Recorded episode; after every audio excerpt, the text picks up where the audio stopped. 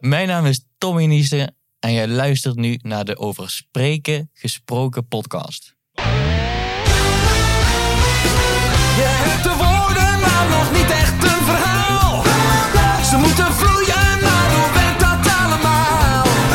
Je eerste hulp is hier, Glenn is jouw support. Luister naar over spreken gesproken, scoort.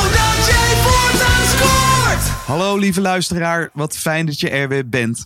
Welkom bij aflevering 56 van de Over Spreken Gesproken podcast. Ik ben Glenn en samen maken we korte metten met plankenkoorts en leren we spreken met meer impact. En in deze aflevering interview ik Tommy Niese. Nou, wie is Tommy? Tommy is verpleegkundige, schrijver en spreker. En in de zorg, als ik zelf in de zorg kom en ik vraag een verpleegkundige of een verzorgende naar Tommy, dan is hij daar super bekend. Er zijn maar weinig mensen die Tommy niet kennen. En hoe komt dat dan? Nou, in, 2000, eh, in 2017 startte hij met het schrijven van eh, verschillende verhalen op zijn website tommyindezorg.nl. En die blogs die gingen werkelijk waar door het dak. In 2018 verscheen al een boek met verzameld werk. In 2020 uh, verscheen een nieuw boek met, uh, met samenvattingen uit zijn podcast. Want hij maakte ook een podcast, Tommy in Gesprek. En hij heeft één missie. En dat is namelijk zorg op een positieve en een mooie manier op de kaart te zetten. En of je nou koekjesbakker bent en daar expert mee wilt worden, of je nou timmerman bent, of je nou heel veel verstand hebt van nou, een, een, bepaalde sport of een bepaalde kwaliteit. Ik vind Tommy enorm inspiratiebron hoe hij ja, binnen een bepaalde doelgroep uh, nou, over zijn eigen drempel heen stapt, over zijn eigen onzekerheid heen stapt en begint met delen. En het op zo'n manier doet dat een paar jaar later mensen niet meer om hem heen kunnen. Dus in dit interview uh, ben ik super benieuwd naar zijn reis. En, en, en nou, daar ga ik naar, uh, daar ga ik naar vragen. Dus we, we gaan het hebben over hoe hij tot, tot schrijven is gekomen, hoe hij uh, tot spreken is gekomen, uh, wat, wat die marketing daarachter allemaal is. Hè, dus los van dat we Tommy als, als individu zien, nou, daar werken ook mensen achter, aan de, scher, achter de schermen aan mee. Hij omringt zich met een team. Dus ook als jij jouw expertstatus in, in jouw werkgebied wilt vergroten, weet ik dat ik uh, weet ik dat dit een super waardevol gesprek is. Maar ook los daarvan vind ik uh, Tommy een uh, authentiek, een bijzonder mens. En, en hebben het ook over zijn ervaringen die hij als verpleegkundige in de zorg heeft meegemaakt. Ik wens jou heel veel luisterplezier met dit gesprek. Tommy, welkom in de podcast. Dankjewel, fijn dat ik in jouw podcast mag zijn. Ja, heel fijn dat je, dat je er bent. En we hadden het zojuist over het taal van, uh, van, je, van je kinderen. Mm -hmm. Mag ik je dan allereerst feliciteren met je dochtertje? Ja, dankjewel. dankjewel. Ja, Lena is geboren op 3 december. Ja. ja. Dus dat is op dit moment één maand oud. Ja, ja één maand oud. Één maand, ja, heel, heel erg jong. En mijn zoontje, Ves, die is anderhalf. Ja, ik zeg maar anderhalf. Iets van augustus 2019. Ja. Dan zeggen alle mensen, oeh, kort op elkaar. Ja? Ja, dat klopt. Ja, dat is ook kort op elkaar. Op zich. Ja, oké. Okay. Maar je Maar ja, dacht van nou, uh, De, de volgende mag wel komen. Ja, Of, ja, ja, dat mocht wel, ja. ja. Niet gepland of zo van, het moet nou, maar ja, daar stonden we wel voor open. En, uh, en dat gebeurde. En daar zijn we heel blij en dankbaar mee. Dus, uh, en we hadden het net over de taal van kleine kinderen volgens mij. Ja. Over, over spreken, over... Dat grappige is dat we niet eh, zijn, worden niet geboren met, met taal. Nee, nee met haar, je wordt geboren en het eerste wat we doen is huilen. Ja, En daarna ga je geluiden reproduceren die, ja, die van alles kunnen betekenen. En vervolgens ontwikkel je dan een taal die al eigenlijk ontwikkeld is door anderen. En zo evolueert. En het is interessant toch? En, ja. en nu is spreken een vak. En is er een, zelfs een over spreken gesproken podcast. precies. Hoppa, in één keer eruit. Ja, dat is bijzonder toch? Ja, ja. Want jij, jij zegt net, ik heb net een boek gekocht om de taal van mijn kinderen beter te begrijpen. Ja, heb, je- heb je gekregen van iemand? Ja. Ehm, Wat staat erin dan? Nou, die, de, de, de taal van kinderen, zeg maar, is natuurlijk niet echt verbaal. Maar gewoon vooral, vooral non-verbaal. Ja. Dus hoe ga je met die kinderen om? Als je zeg maar bijvoorbeeld ook een, het, het optillen van een kind, is dan even geen taal. Maar als je die onder de oksels optilt, dat voelt voor een kind blijkbaar heel narig. Oké. Dat voelt niet fijn. Omdat je, ja, dus je kunt de kind beter ondersteunen onder de billetjes. Dus ja, mensen die nou luisteren denken, denken misschien van, de, ja, de, maar ik wist dat niet. en, maar ook gewoon de bepaalde klankjes die ze dan maken, wat dat dan betekent. En als ze meer en, en, en dat ze dan moeten boeren bijvoorbeeld. Of, eh, dus, dus dat al echt al bepaalde uitingen hebben die tonen, die voor hun al heel veel betekenen. Dat ze al, al heel veel mee willen zeggen. Ja. Zeg maar, ja. Dus eh, heel interessant. Nou ja, jij zegt dat nu, dat, ook, dat het begint allemaal met huilen.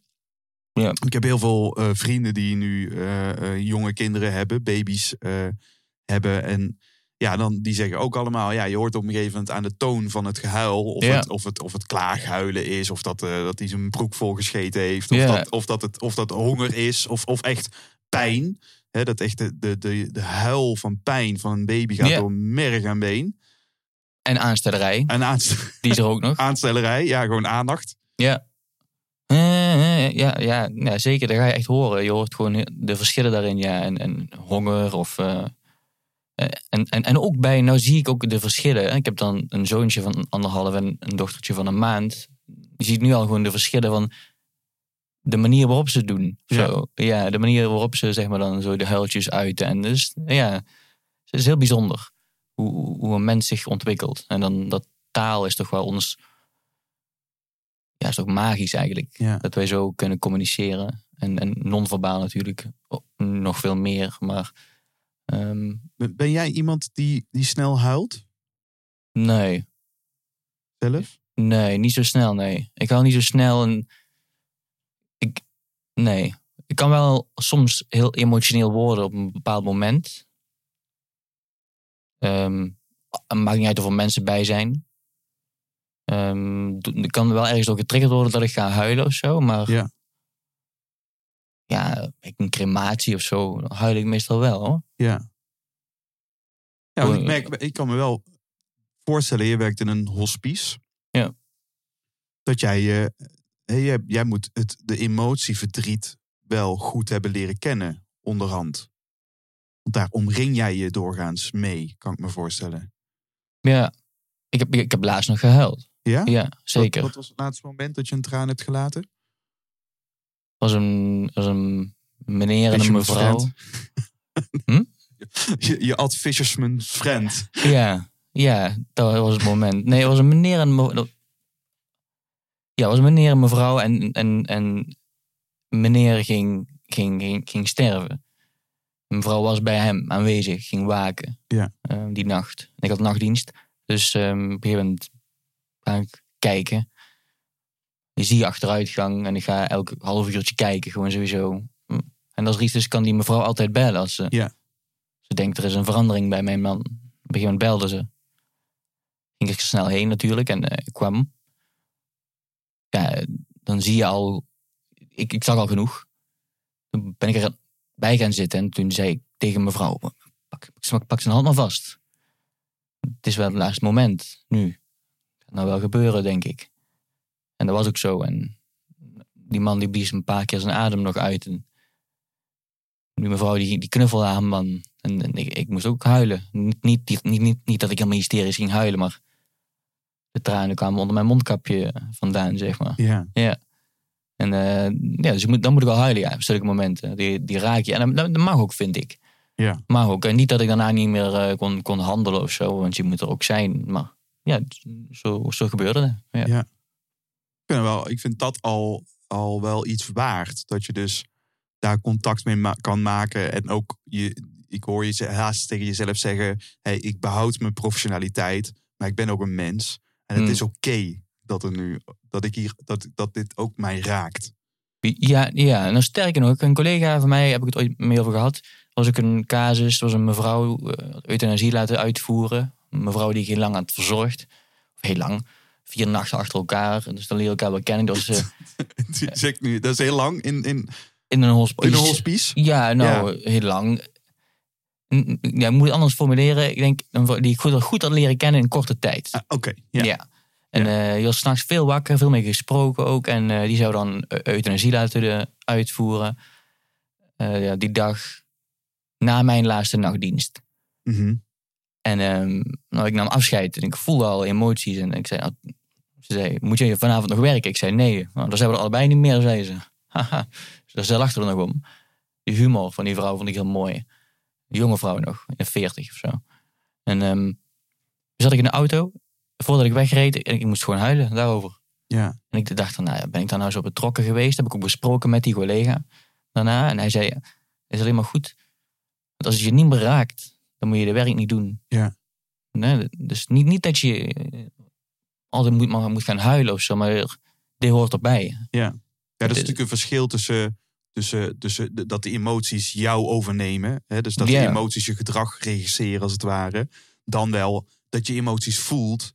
En ik kan me dan ook, ik, ik, ik zou misschien haast eh, geneigd zijn om dat dan misschien eh, te onderdrukken of zo. Of om dat, te, om dat dicht te metselen. Ja, Vanuit een soort ingewikkelde perceptie van, van, van eh, hoe, hoe je bent als je professioneel bent. En, en het is hun verdriet, niet mijn verdriet. Mhm. En allemaal gekke gedachten waarvan ik dan ook kan denken, dat is niet helemaal helpend eigenlijk. Stroomt het ook niet echt nee.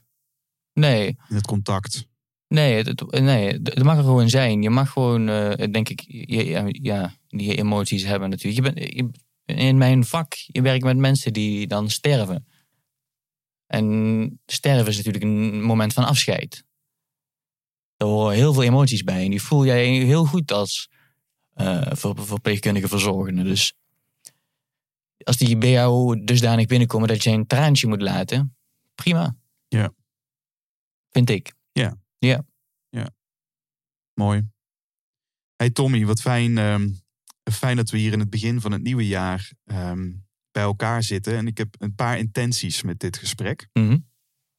Eh, we zijn natuurlijk, en mensen kennen jou wellicht eh, als vanuit eh, Tommy in de zorg. En, je schrijft al heel lang verhalen, anekdotes die je meemaakt. Mhm. die, die veel worden bekeken. Jij spreekt ook sinds een, sinds een tijdje. Eh, je hebt veel lezingen gedaan. Eh, en er zit bij jou een enorme drive om iets over te dragen. Dus, Mm. dus ik ben heel benieuwd naar jouw leerreis van de afgelopen paar jaar. In, in, hey, in wat, op wat voor manier kan ik dan die boodschap gestalte geven? En wat kunnen wij daar als luisteraar van leren die nou, ook in ieder geval een passie hebben over een onderwerp. eh, en, en dat ook graag naar buiten willen brengen. Mhm. Ehm, en tegelijkertijd zijn we natuurlijk ook misschien wel benieuwd naar iemand die de zorg zo bewust heeft meegemaakt afgelopen jaar. Ja, ik ben ook natuurlijk benieuwd naar niet zozeer terugkijkend eh, op, op het jaar. Mag natuurlijk wel. eh, maar ook wel vooral benieuwd naar ja, of het nou hopelijk een optimistische kijk. Ik, ik zie jou wel als, als een optimistisch persoon. Dus ik verwacht Mhm. dat het optimistisch zal zijn. Maar, hey, maar hoe zie jij die zorg? eh, ja, hoe, hoe, hoe zal die zorg zich ontwikkelen? En hoe ontwikkelen wij ons als mens waar de zorg natuurlijk eerder eigenlijk niet in de schijnwerper stond. En sinds vorig jaar ineens heel erg eh, zichtbaar is geworden. Mhm. Mm, waar wil je dat mee beginnen? Wil je, eh, een stukje Tommy in de zorg? Eh, wil je er iets van weten hoe ik daarmee ben begonnen? Of wil je dat ik... Ja, wat, misschien wel wat, wat, wat wel fijn is. eh, Jij hoeft van mij niet een, eh, want dat heb je in andere podcasts en al vaker gedaan. En jouw hele reis naar waarom dat je verpleegkundige bent geworden. Maar wat ik al interessant vind, is jij wist het gewoon niet. Dus je, Nee, jij bent ICT gaan doen. ik Je- wist gewoon niet wat ik nee, wilde. je bent Helemaal marketing gaan doen. Je bent eh, sociaal-cultureel werker, heb je nog even geprobeerd. Ja. Eh, je hebt nog even schoongemaakt zelfs bij mensen thuis. Ja. Voordat je de zorg in ging. En, en dus toevallig kom jij via, ook volgens mij je moeder die in de zorg werkt. Ja. Kom je in de zorg terecht. Ben je in 2016 afgestudeerd. Mhm. Toch? Vanaf 2016 werk jij fulltime in de zorg. Klopt dat? ja, maar daarvoor, ik deed dat BBL, zeg maar, werk leren. Ja. Ja, precies. Dus jij werkte al terwijl dat jij in het leren was Ja. eh, in, in de zorg. En, en twee jaar later, 2018, ben jij Helmonder van het jaar. Oh ja, ja. Dat ja. is toch- Mijlpaal, ja. Ja. ja. Hm. Er is toch ergens, er gebeurt dan toch iets ergens in, die, in, in jouw zoektocht naar wat, wat de fuck wil ik eigenlijk. Tot in dat, dat je ergens iets Hm. creëert wat dus enorm eh, ja, een impact heeft. Dat valt op. Ja. Ja, het is, ja, ja. Gewoon, ik wist gewoon niet wat ik wilde als jong mens. En ehm, ik, ik wist gewoon totaal niet wat ik wilde. En de zorg stond echt gewoon helemaal onderaan. Studiekeuzetest zelfs gedaan, ook daar stond zorg onderaan. Dus voor mij was dat gewoon, nee, ga ik niet doen. Totdat ik echt op een punt kwam dat ik, dat ik gewoon niet meer wist wat ik wilde. En ehm, ik, ik deed ondertussen wel poetsen bij oude mensen thuis vooral. Ik merkte tijdens, tijdens het poetsen dat ik veel met die mensen aan het kletsen was. Had je in die tijd ook heel veel ruimte voor. Ehm, en dat vond ik leuk. Die verhalen. En ik kon met die mensen fijn kletsen. En die mensen vroegen mij ook terug. En niet om mijn poetskills, maar gewoon... Omdat ze het fijn vonden om Ja. met jou te praten. exact. Dus eh, ik voelde wel al van... Oké, dit is leuk wat ik doe. Daar hou ik wel nog wel even vol. Hier stop ik niet meteen mee. Dat is met de rest wel. Ehm, maar ja, na een jaartje dacht ik toch wel... Moeten we weer naar school. En mijn moeder attendeerde mij toen een zorgopleiding.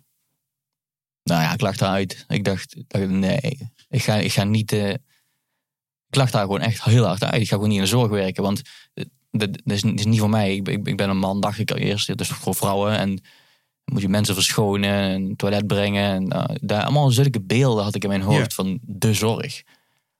Afijn, ik ben gegaan, lachend. mijn moeder, eh, ja, even niet gesproken, twee weken nagedacht. Er was dus zo'n vacature, BBL, en ik zou salaris krijgen. Mijn studiefinanciering was gestopt. Omdat je al zoveel studies had gepro- Ja, geprobeerd ook. dus ik moest wel iets. Dus ik denk, ik ga het gewoon proberen. Ja. Al is het maar om mijn salaris. Ja. Ja, voor één maandje. Je weet, je weet maar nooit. Toch? Dus, en ik ben het gaan proberen. En, en toen had ik voor het eerst in mijn leven, na een week, pas het gevoel van... Hey, de zorg, waar ik van tevoren daarvan dacht, is heel anders. Ja. Het gaat echt niet om die mensen naar het toilet brengen. Het gaat echt niet om die, die spuit zetten. Het gaat om... Dit, dit werk komt zo dicht bij mensen. En Je bent zo... Je, je, je kunt me zoveel betekenen voor iemand. Ja. Zo'n directe manier waar je zo direct iets voor terugkrijgt. Dan heb ik het niet over geld, maar gewoon over dankbaarheid en gevoelens van mensen. Ja. Ehm, dus toen bleef ik in de zorg hangen. En toen heb ik mijn opleiding verzorgende gedaan. Een jaartje gewerkt, verpleegkunde gedaan. En toen in 2016 inderdaad afgestudeerd. Ja. En toen als ZZP'er gaan werken, omdat ik gewoon wat meer vrijheid wilde. Ik deed toen veel reizen. Eh, Indonesië en weet je wel, Azië en zo. En Dus zo'n backpacker. backpacker-achtig type. Ja, dus eh, dat kon ik al mooi combineren. Dan ging ik gewoon, eh, gewoon drie maanden, vier maanden lang ging ik veel werken. En dan had ik daarna gewoon anderhalve maand vrij. En dan vertrok ik naar Nepal. En dan weer terug. En dan weer maanden werken en dan weer Thailand. Zo. Zo. Ja, en eh 2017 ben ik begonnen met Tommy in de zorg. De, de blog. Ja. Ja. Dus, dus voordat we daar dat aanraken, ben ik benieuwd. Wat was dan in die eerste... eh, Want je, je zegt dus, ik ben gewoon gaan beginnen. Heb ik in ieder geval een maand salaris. Dus een BBL-opleiding. Wat, wat, wat was jouw epiphany moment? Dus wat was... Heb jij nog scherp wat, wat jij deed of waar je was? Dat je dacht van... hey, dit is eigenlijk veel meer dan ja, die prik zetten of eh, pillen afwegen, whatever je doet. Gewoon, je, je, je komt bij mensen. Ik werk natuurlijk in een verzorgingshuis. En je komt bij die mensen bijvoorbeeld om een of andere steunkous aan te doen. Ja. Of om de mensen te helpen met wassen. En tijdens zo'n moment, dan is het jouw doel daar inderdaad die kousen aandoen. Maar je merkt dat die mensen heel veel verhalen hebben. En die willen ze heel graag vertellen. Sommige mensen zijn eenzaam. Mensen willen graag zichzelf uiten. En ik ben een nieuwsgierig persoon. Ik luisterde daarnaar en heel veel vragen stellen. Dus daar merkte ik, die interactie vond ik zo leuk. En ik merkte gewoon dat ik heel veel kon leren van die, van die, van die oude mensen, zeg maar. Want in principe, het, het leeftijdsverschil was er. Ja. Maar is ook een mens, heeft alles al meegemaakt, eh, waar ik nog mee moet gaan maken. Dus vertel het me.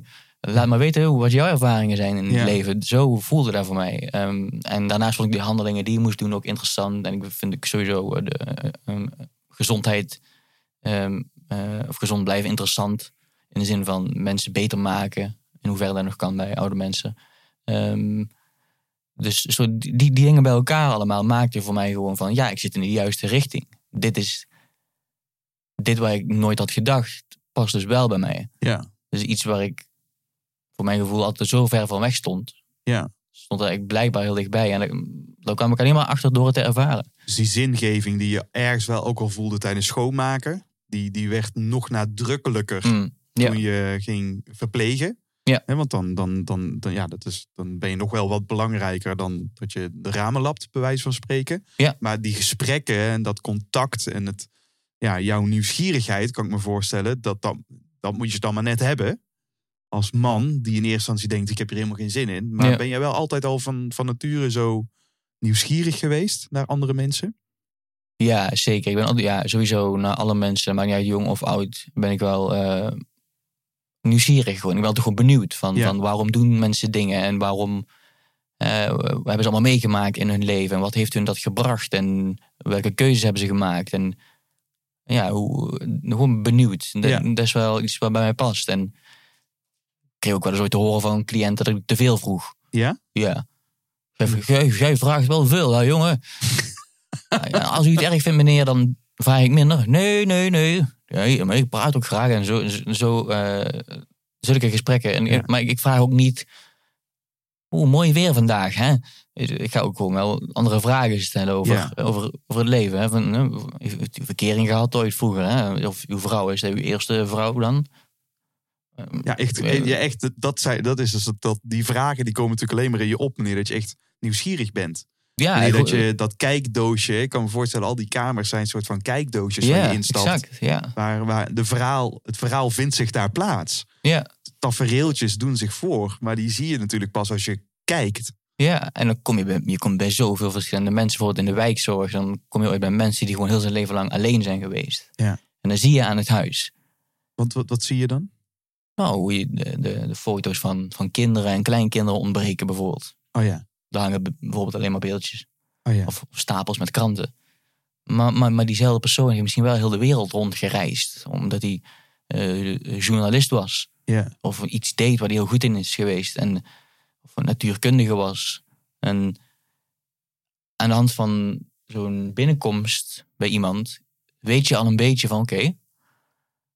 En dan ga je vragen stellen. En Ja. je vragen stellen. Wat, wat voor werk heeft u gedaan? Of en, en, hoe vond u dat? En zo, zo ontstaan er zulke leuke gesprekken. En die je gewoon echt aan het denken zetten. Over de mogelijkheden in het leven. Ja. Ja. Is, is er één ding wat je, hè, wat je nu, wat als eerste in je opkomt, wat je hebt geleerd uit die gesprekken? Een soort levenswijsheid die, eh, Ja, die we het- allemaal ten harte moeten nemen.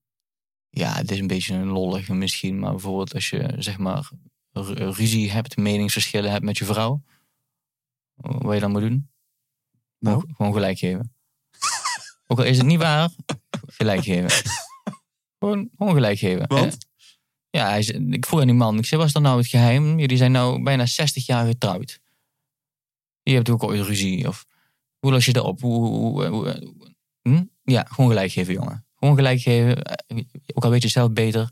Gelijk geven, doorgaan. Dat doe jij nu ook in je relatie? Nee. Nee, nee, nee.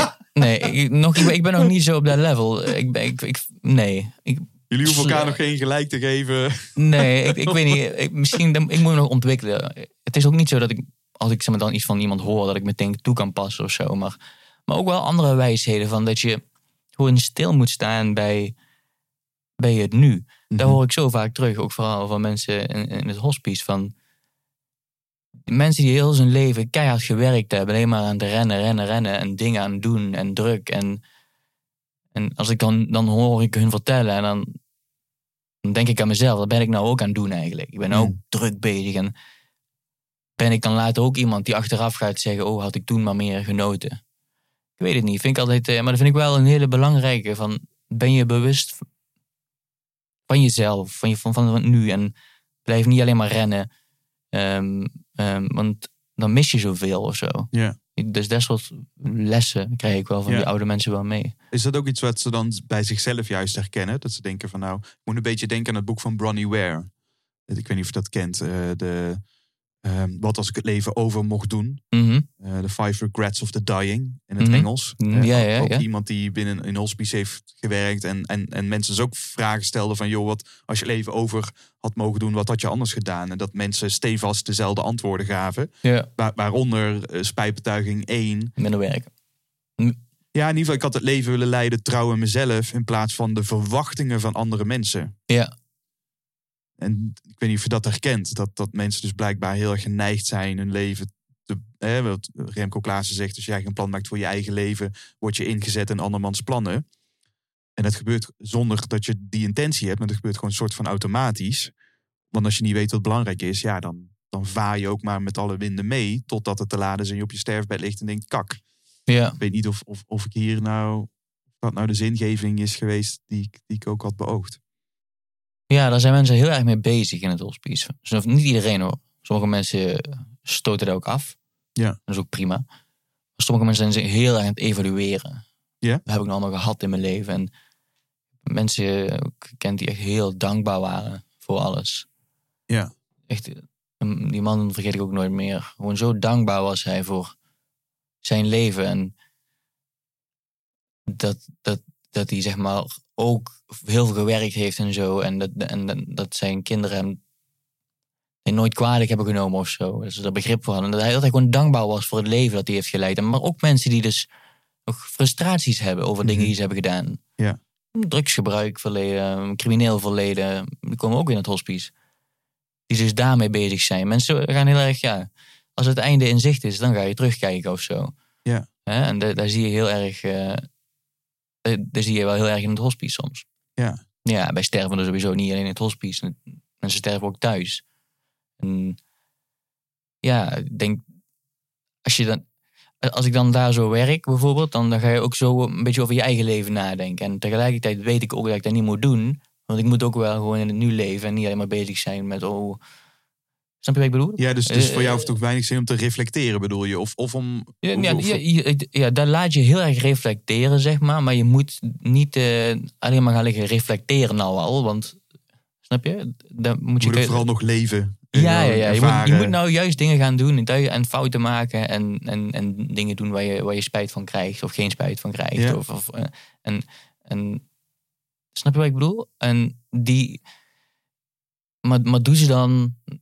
Ga wel op je gevoel af of zo. Inderdaad, net, net wat waar, waar je het zegt van... ga- als jij geen plan maakt voor jouw eigen leven, dan word je ingezet in een andermans plan. En dan merk je bijvoorbeeld in zo'n hospice wel dat mensen ooit zoiets hebben van... Ja, ik heb altijd maar voor een baas gewerkt. En ik heb altijd maar dit gedaan. En ik had eigenlijk zo graag dit willen doen. En, en ik hoop, als ik daar ooit ben, dat ik dan dat gevoel niet heb. Dat Nee. ik dan denk, ah, hmm, voor mij zijn er geen dingen die ik niet nog had willen doen. Ja. Hoop ik. En dat, is natuurlijk, dan, dat brengt ons natuurlijk naar het hier en nu. Dat we onszelf wel de, die vraag af en toe kunnen stellen. Eh, leven is niet maakbaar. Nee. Eh, dus, dus het zou zomaar kunnen dat, er, dat, dat iets on- ons overkomt. Ja. Eh, en, en, en dat hopen we niet. Maar ja, we hebben geen idee. Het leven is, is, is, is iets urgents wat eigenlijk in een flits voorbij kan zijn. Ja, dus, dus stel, jij zou over een maand eh, op je sterfbed komen te liggen. Mhm. Ja, zou je dan tegen jezelf zeggen, had ik maar? Of zou je zeggen, verdomme, dat was, dat was een mooi avontuur. Nu bedoel je? Nou, ik denk nu. Nu, nu, nu, nu zit ik nog wel in de fase van had ik maar. Er zijn nog veel dingen die ik, die ik nog wil doen. Noem eens wat.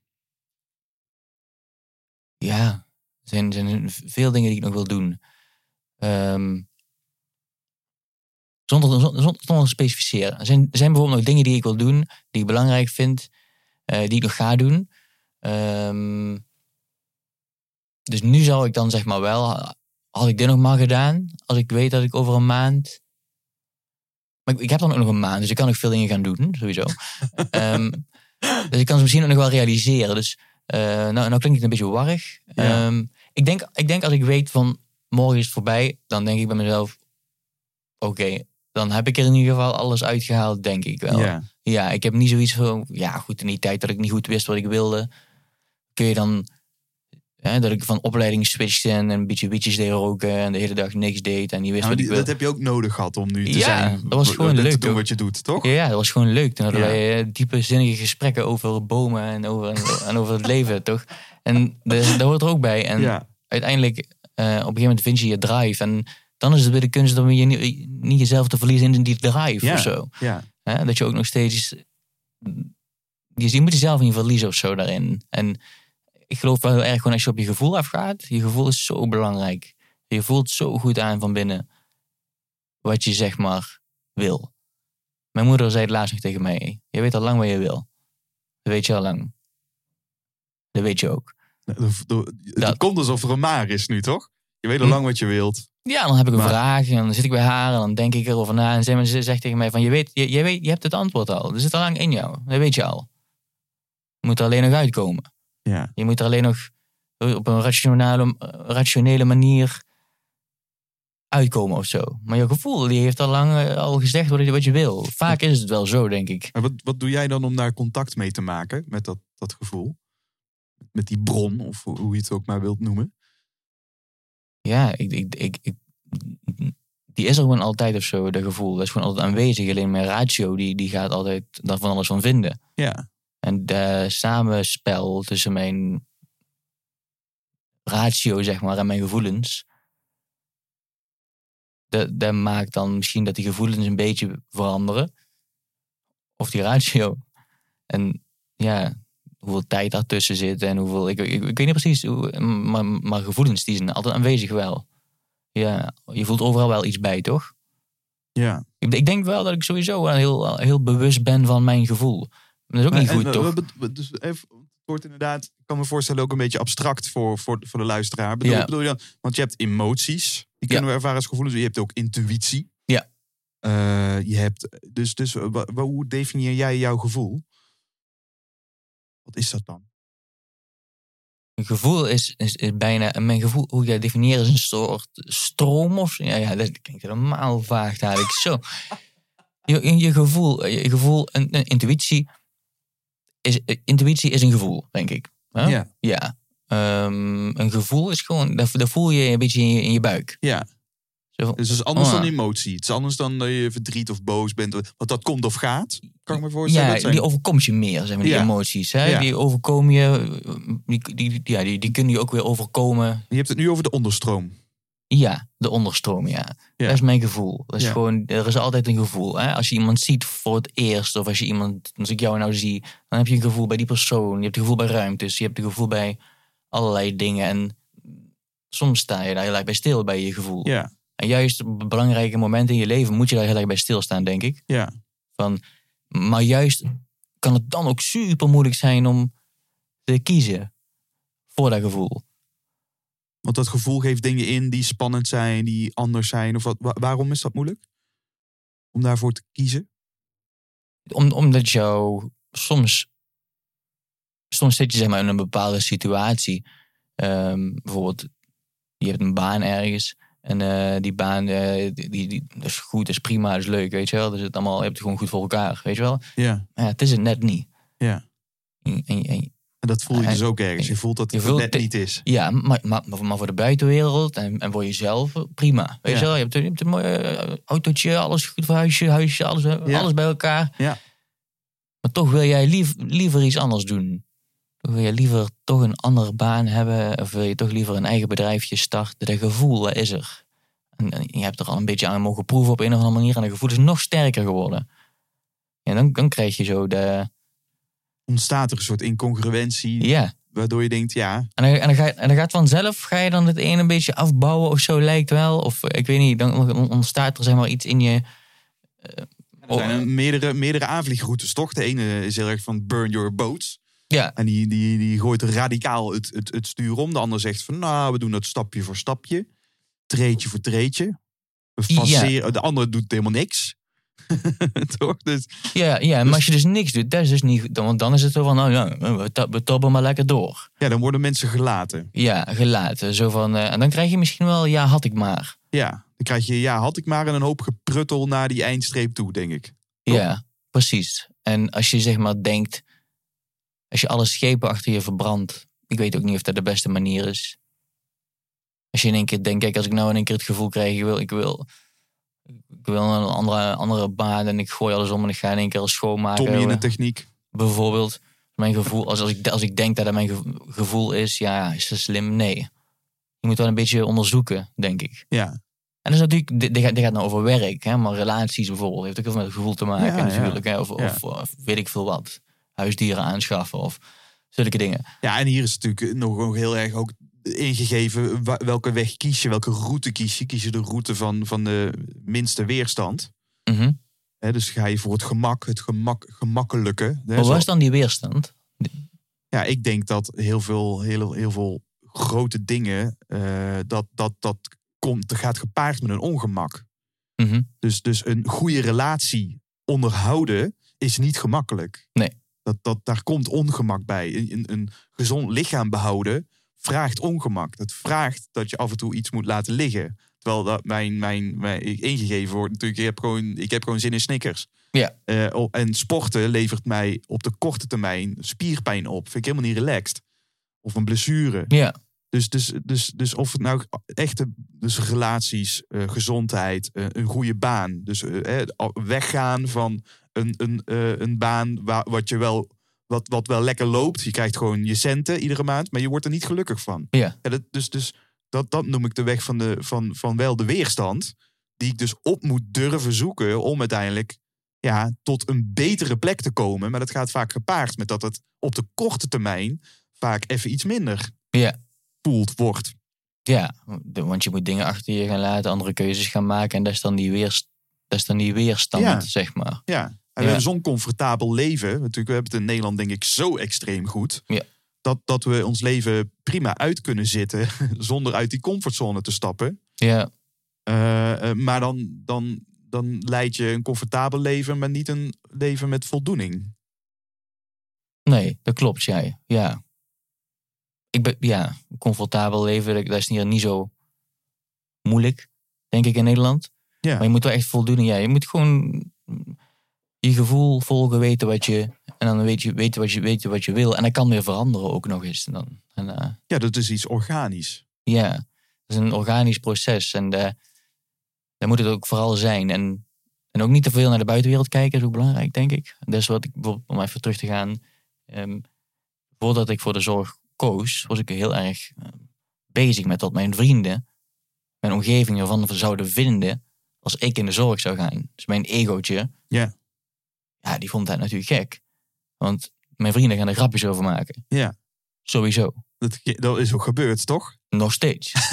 Snap je? Dus, dus, Wat, wat is de meest gemaakte grap? Oh, jij was het konten van oude mensen. Nou, nou billen was eigenlijk, het. eigenlijk nog niet eens een hele goede grap. Ja, ze gaan, ze, gaan, ze gaan nooit verder. Maar Nee. goed, niks- maar dat maakt niet uit. Weet je, ieder, i- d- dat is, maar zulke dingen, die moeten jou niet weerhouden om zeg maar voor iets te kiezen. Ja. Want ik weet, mijn vrienden, die, die, die, die respecteren mij hoe ik ben. Het zijn grapjes, dat is humor, dat hoort Ja. bij het leven. Alleen zulke dingen, je- als jouw vrienden eh, eh, eenmaal zien dat- je echt doet wat je leuk vindt, dan, dan, dan is het gewoon goed toch? Daar gaat Ja. het om. Ja. En, en als jouw vrienden niet meer je vrienden zijn bij je in de zorg gaat werken, ja, dan zijn het ook geen echte vrienden of zo toch? Dus Nee. nee. Nee. Maar gewoon dat, daar was, ik- maakte ik me toen ook wel erg zorgen over. Dus je moet ook niet te veel stilstaan bij wat andere mensen van je vinden. Nee, en je hebt dus een bepaalde sensitiviteit. En daarmee bedoel ik dat dus je, je laat je gevoel leidend zijn voor dat het niet ICT werd, niet marketing werd, Ja. niet eh, sociaal-cultureel werker, et cetera. Dus, dus de- het verstand had misschien altijd al iets. Ja, ga nou maar. Je hebt nu sociaal-cultureel werker gekozen. Als je nu stopt, krijg je geen studiefinanciering meer. Mhm. Maak het nou eerst maar eens af. Ja. Dus dat, terwijl jouw gevoel zegt dan, ik wil het niet. En je gaat dus iets anders doen. Ja. En ik kan me heel goed voorstellen dat dat oudere mensen ook voelen als jij in contact met hen treedt. Mhm. Dat ze voelen dat daar iets, dus iets congruent zit. Ja. Ik, ik, ik filosofeer nu maar vrolijk verder, hè? dus correct me if I'm wrong. En ik kan me zomaar voorstellen dat jij, jouw perceptie van de zorg is veranderd toen je erin stapte. Mhm. Maar die oudjes, gechangeerd gezegd, hebben ook een perceptie van jou. En die verandert natuurlijk ook in de verbinding die je dan met ze hebt. Want Zeker. er komt ineens een fan binnenlopen met plakplaatjes. Mm. Wat in onze tijd echt, ja, dat hadden Ja. kampschaken en mensen die op, op zee eh, aan het varen waren, zeg maar. Even ook weer, hè. Dus die, die hebben een beeld daarvan. Er komt iemand binnen met een halve hanenkam. Ja, Eh, eh, ik was alleen maar vrouwen gewend, want de mannen zie ik sowieso vrij weinig in de zorg. ja. Ik kan me voorstellen hoe, hoe, hoe, hoe, ehm, dat dat dus ontwapenend is. Dat, want je bent heel correct. Je spreekt mensen met meneer en mevrouw aan, met u. Nou, ik denk dat dat al ook weer een snel respect oplevert ook. Dus ze zien ook waarschijnlijk een jong straatschoffie... die eigenlijk heel erg ja, beschaafd is en netjes en correct en zijn werk goed doet. En ook nog eens nieuwsgierig. Ja, Wat, wat gebeurt daar in die dynamiek?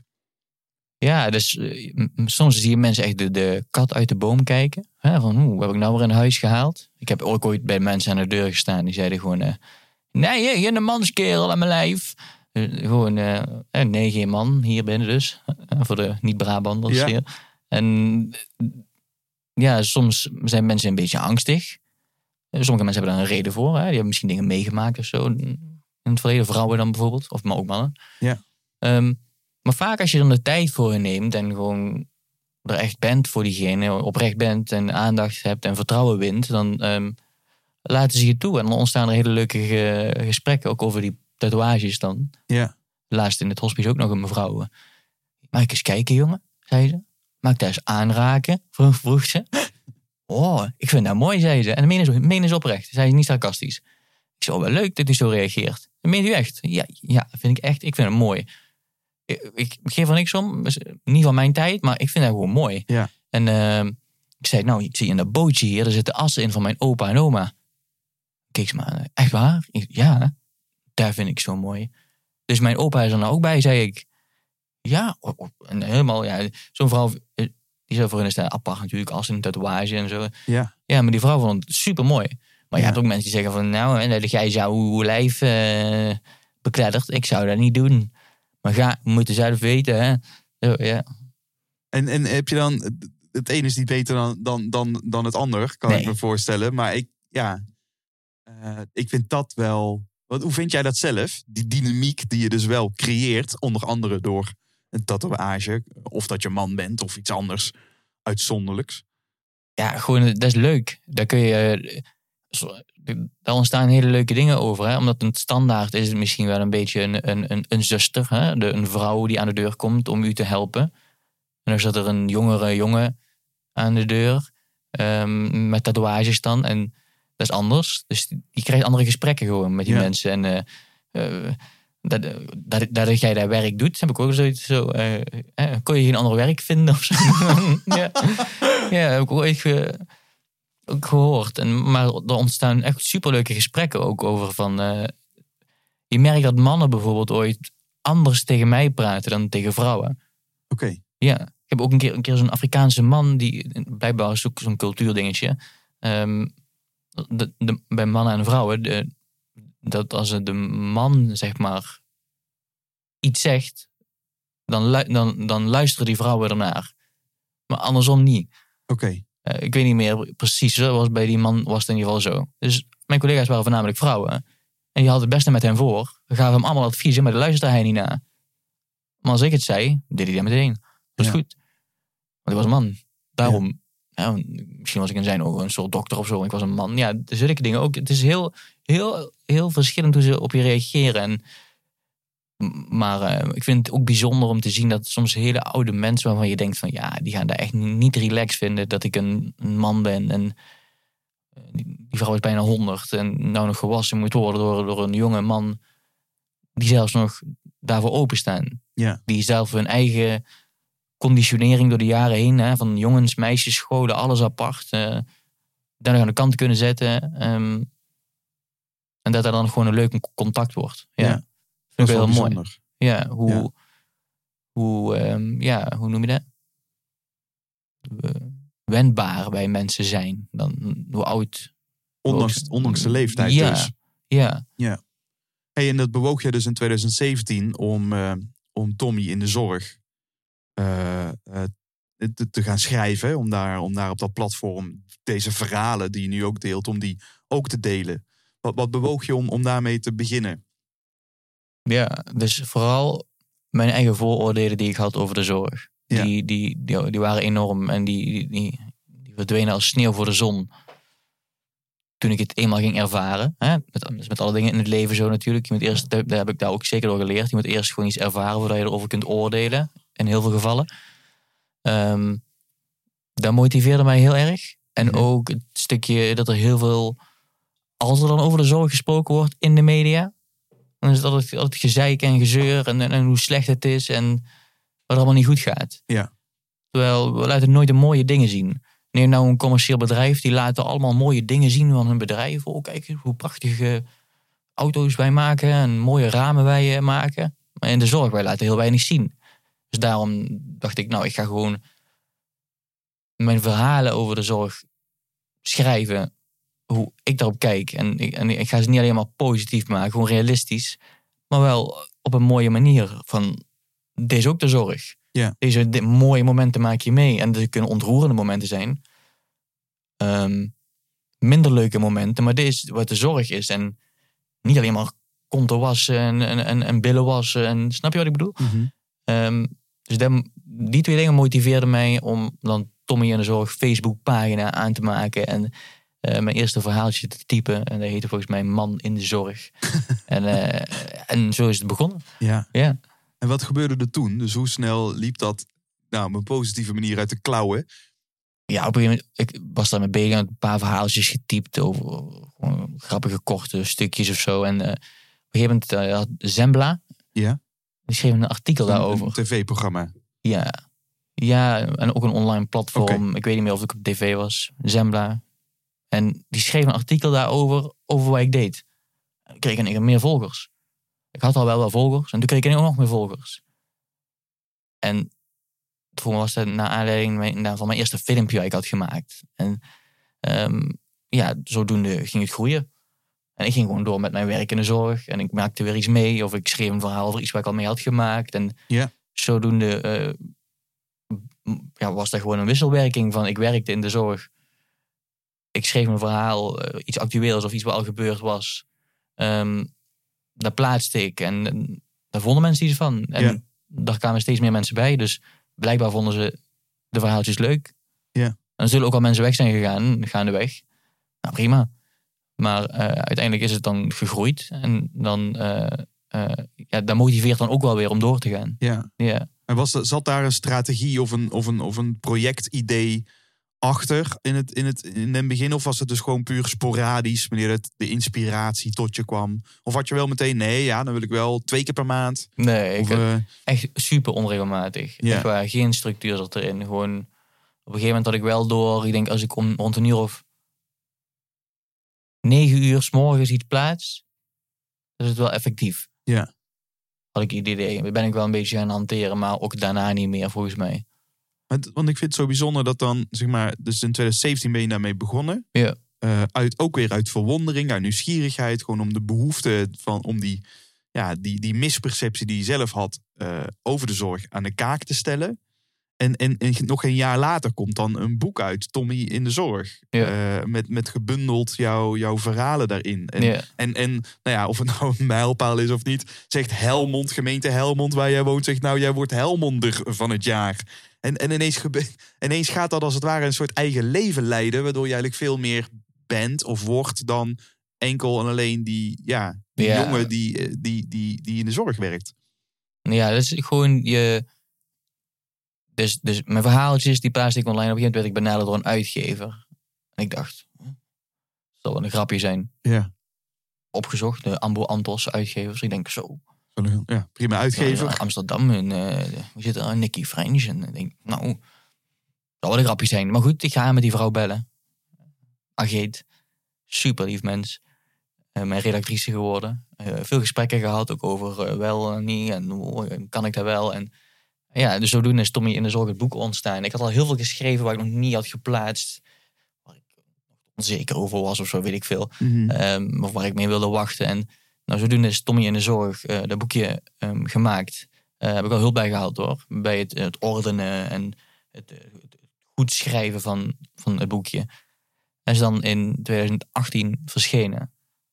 En is goed ontvangen. En, en, en daarna, ja, dan, dan, dan, dan, toen ontplofte het of zo een beetje eventjes. Ja? Ja, ik, ik had toen ook al wel wat mensen die mij volgden. 30.000 mensen die mij volgden of zo. Toen, maar daarna, Toen 30.000 mensen. Toen ja. Ja, maar dat eh, is, eh, dit- ik weet niet of, of een luisteraar dit hoort en denkt van dat is toch heel veel of, of heel weinig, is maar net waar je staat. Maar ik hoor het, ik denk van nou, maar een paar mensen die me volgden, 30.000 of zo. Dat ik denk, ja, jezus man, dat zijn toch een hoop mensen. Ja, toen waren wel. Ja, toen, maar omdat ik die verhaaltjes al plaatste, natuurlijk Ja. online. En eh, toen kwam het boek uit, ja. Toen werd het in één keer dat boek ging, ging eh, dan wel goed de winkel in. En toen werd het meer en meer. Mensen kochten dat boekje en die gingen er weer opzoeken. En op online en dan lezen. En ik maakte die filmpjes erbij. En nou, dan word je ook wel eens gevraagd voor programma's en voor bladen. um, interviewtjes te doen. En Dus het was wel dat boek was de, de vermenigvuldigaar, laag, eh, zeg maar. ja, De dat, multiplier. Ja, dat plus ook de dingen die ik gewoon. In het begin was ik heel erg ook van. Al, dat, dat was al voor het boek. eh vroeg Omroep Brabant of ik een keer wilde komen. Eh, S S'morgens vroeg 7 uur in hun tv-programma. Vond ik zo spannend. Ja, ik dacht, dat moet ik doen, dat moet ik doen. Weet je, ik, ik weet niet, misschien- was het een beetje aandachtsgeil of zo. Of was het gewoon, dacht ik, ah, wow, ik kreeg eh, de eer of zo, weet ik veel. Ja, ja. Ik denk, dit moet ik aangrijpen, want eh, het is belangrijk. Kan ik iets zeggen over mijn vak? En zo spannend. Dat ging ik daarna wel vaker doen. Eh, Ik kwam daar vaker dat je dus dan gevraagd wordt voor programma's en blaadjes. En ehm, dus daardoor groeide het ook al wel. En toen het boek. En ehm, ja, nu, ja, nu, nu groeit het nog steeds een, een beetje. Het groeit Ja. gewoon maar door. Maar als we nu dan Ja. fast forward een paar jaar later. eh, nou, dit jaar is het eh, boek Tommy in gesprek uitgekomen. Aan de hand van je eigen podcast. Yes. Eh, ik kwam hier zojuist. Je hebt, je hebt hier kantoor. Ik, ik sprak zojuist jouw compagnon die dan ook hier werkt. Ik zie hier planningen hangen, moodboards aan, aan aan de muur. Ja.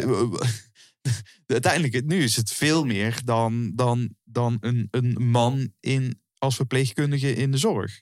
Ja, zeker. Hoe, hoe, is, hoe is dat? Hoe, hoe kun je ons meenemen in hoe, hoe ook die zakelijke kant zich dus langzaam heeft uitgebouwd tot, tot de plek waar je nu eh, staat? Ja, zeker. Nou, ik, ik, was, ik ben altijd ondernemend geweest. Ik was 16 jaar, had ik een eigen bedrijfje en websites maken. Vandaar mijn keuze ICT ook. Ja. Eh, marketing, communicatie vond ik ook leuk. Vormgeving, grafische dingen.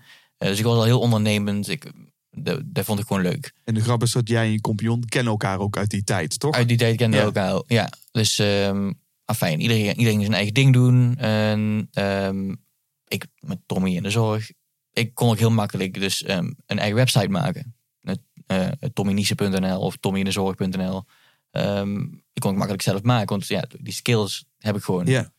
Ehm, dus dat maakte het ook dat mijn dingetje sneller succesvol was of zo. Mijn eh, blog. Je kan sneller schakelen, dat zorgt dat, dat, dat er gewoon ook wel optisch niemand goed voor uitziet. nodig. Ja, ik heb niemand voor nodig. Ik Nee. hoef niet een bedrijf in te schakelen van... oh, wil je een website voor mij maken? Dat kan ik allemaal zelf.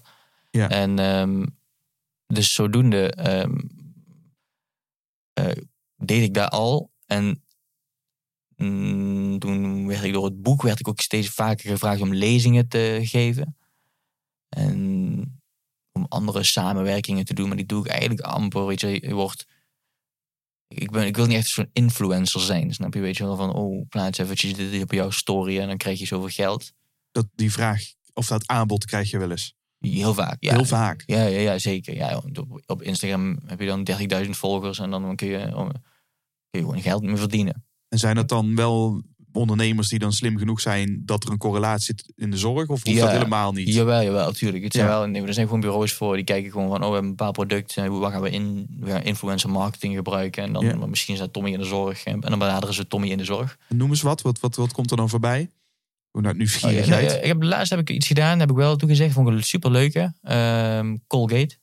Colgate. Ja, maar het ging niet over hun producten. Oké. Het ging over... De stampasta, toch? Ja, ja, ja, maar het ging niet over die producten. Ik hoefde niks van producten te laten zien. Dus het ging echt over, eh, over wat je aan het lachen maakt. Oké. Je smile. Dus uiteindelijk komt het wel met tanden neer natuurlijk en zo.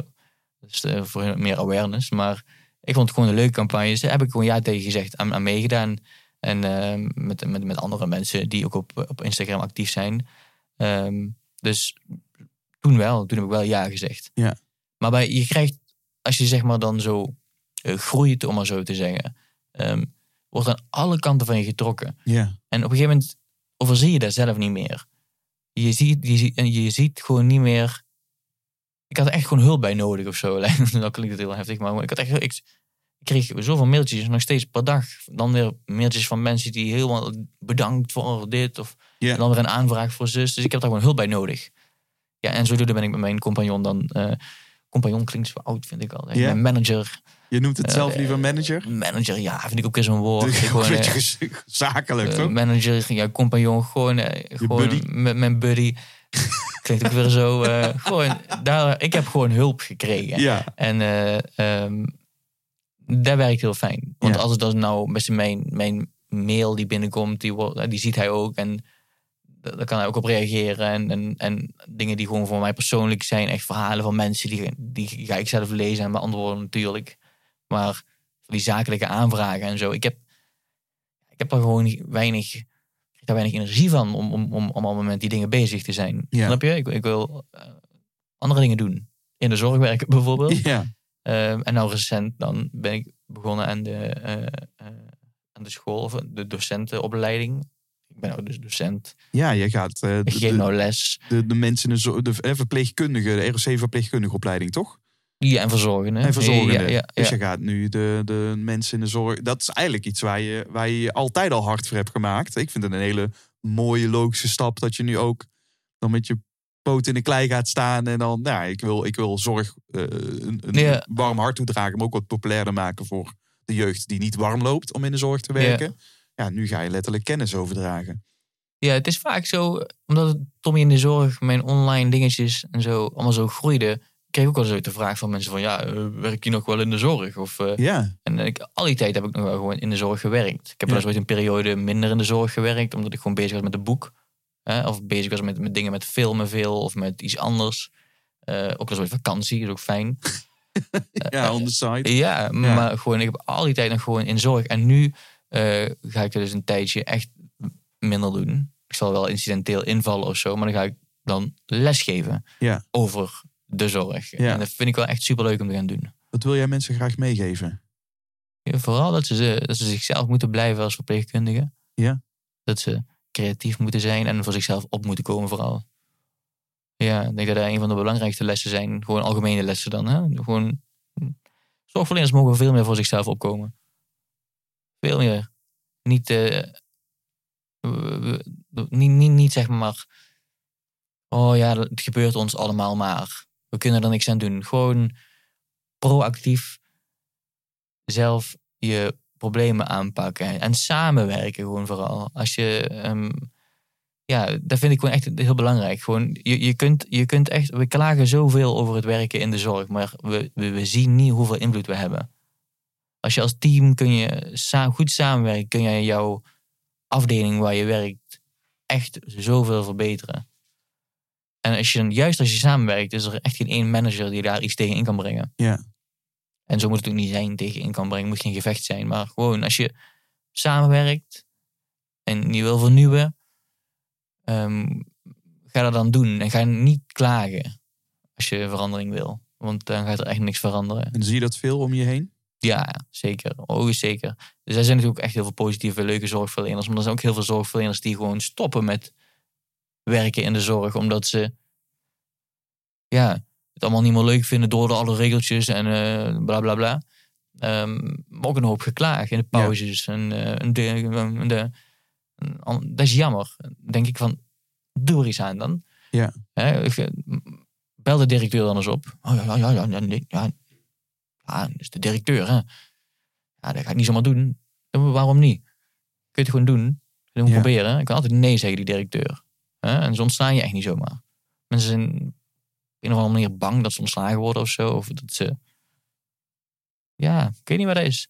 Ja. Misschien hoort het ook wel een beetje bij de...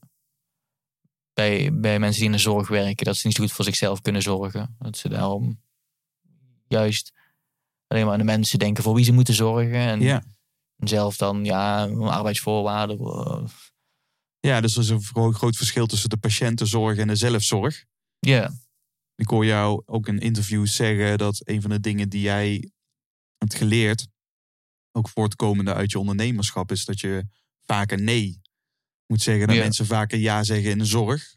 Mhm. Dat- En ik kan me voorstellen dat als je 30 jaar hebt gemaakt in de zorg, dat je misschien zo vaak ja hebt gezegd en er is dan ten onrechte misbruik van gemaakt. Of gewoon gebruik. Want als jij je grenzen niet aangeeft, ja, dan hebben mensen ook geen idee dat ze er Ja. overheen gaan. exact. Maar dat daar, ja, er ontstaat daar on- op een gegeven moment een soort ge- gelatenheid of een soort van weerstand. Eh, eh, waar, waar- hè, dus, dus de vraag is dan even, waar komt die passiviteit vandaan?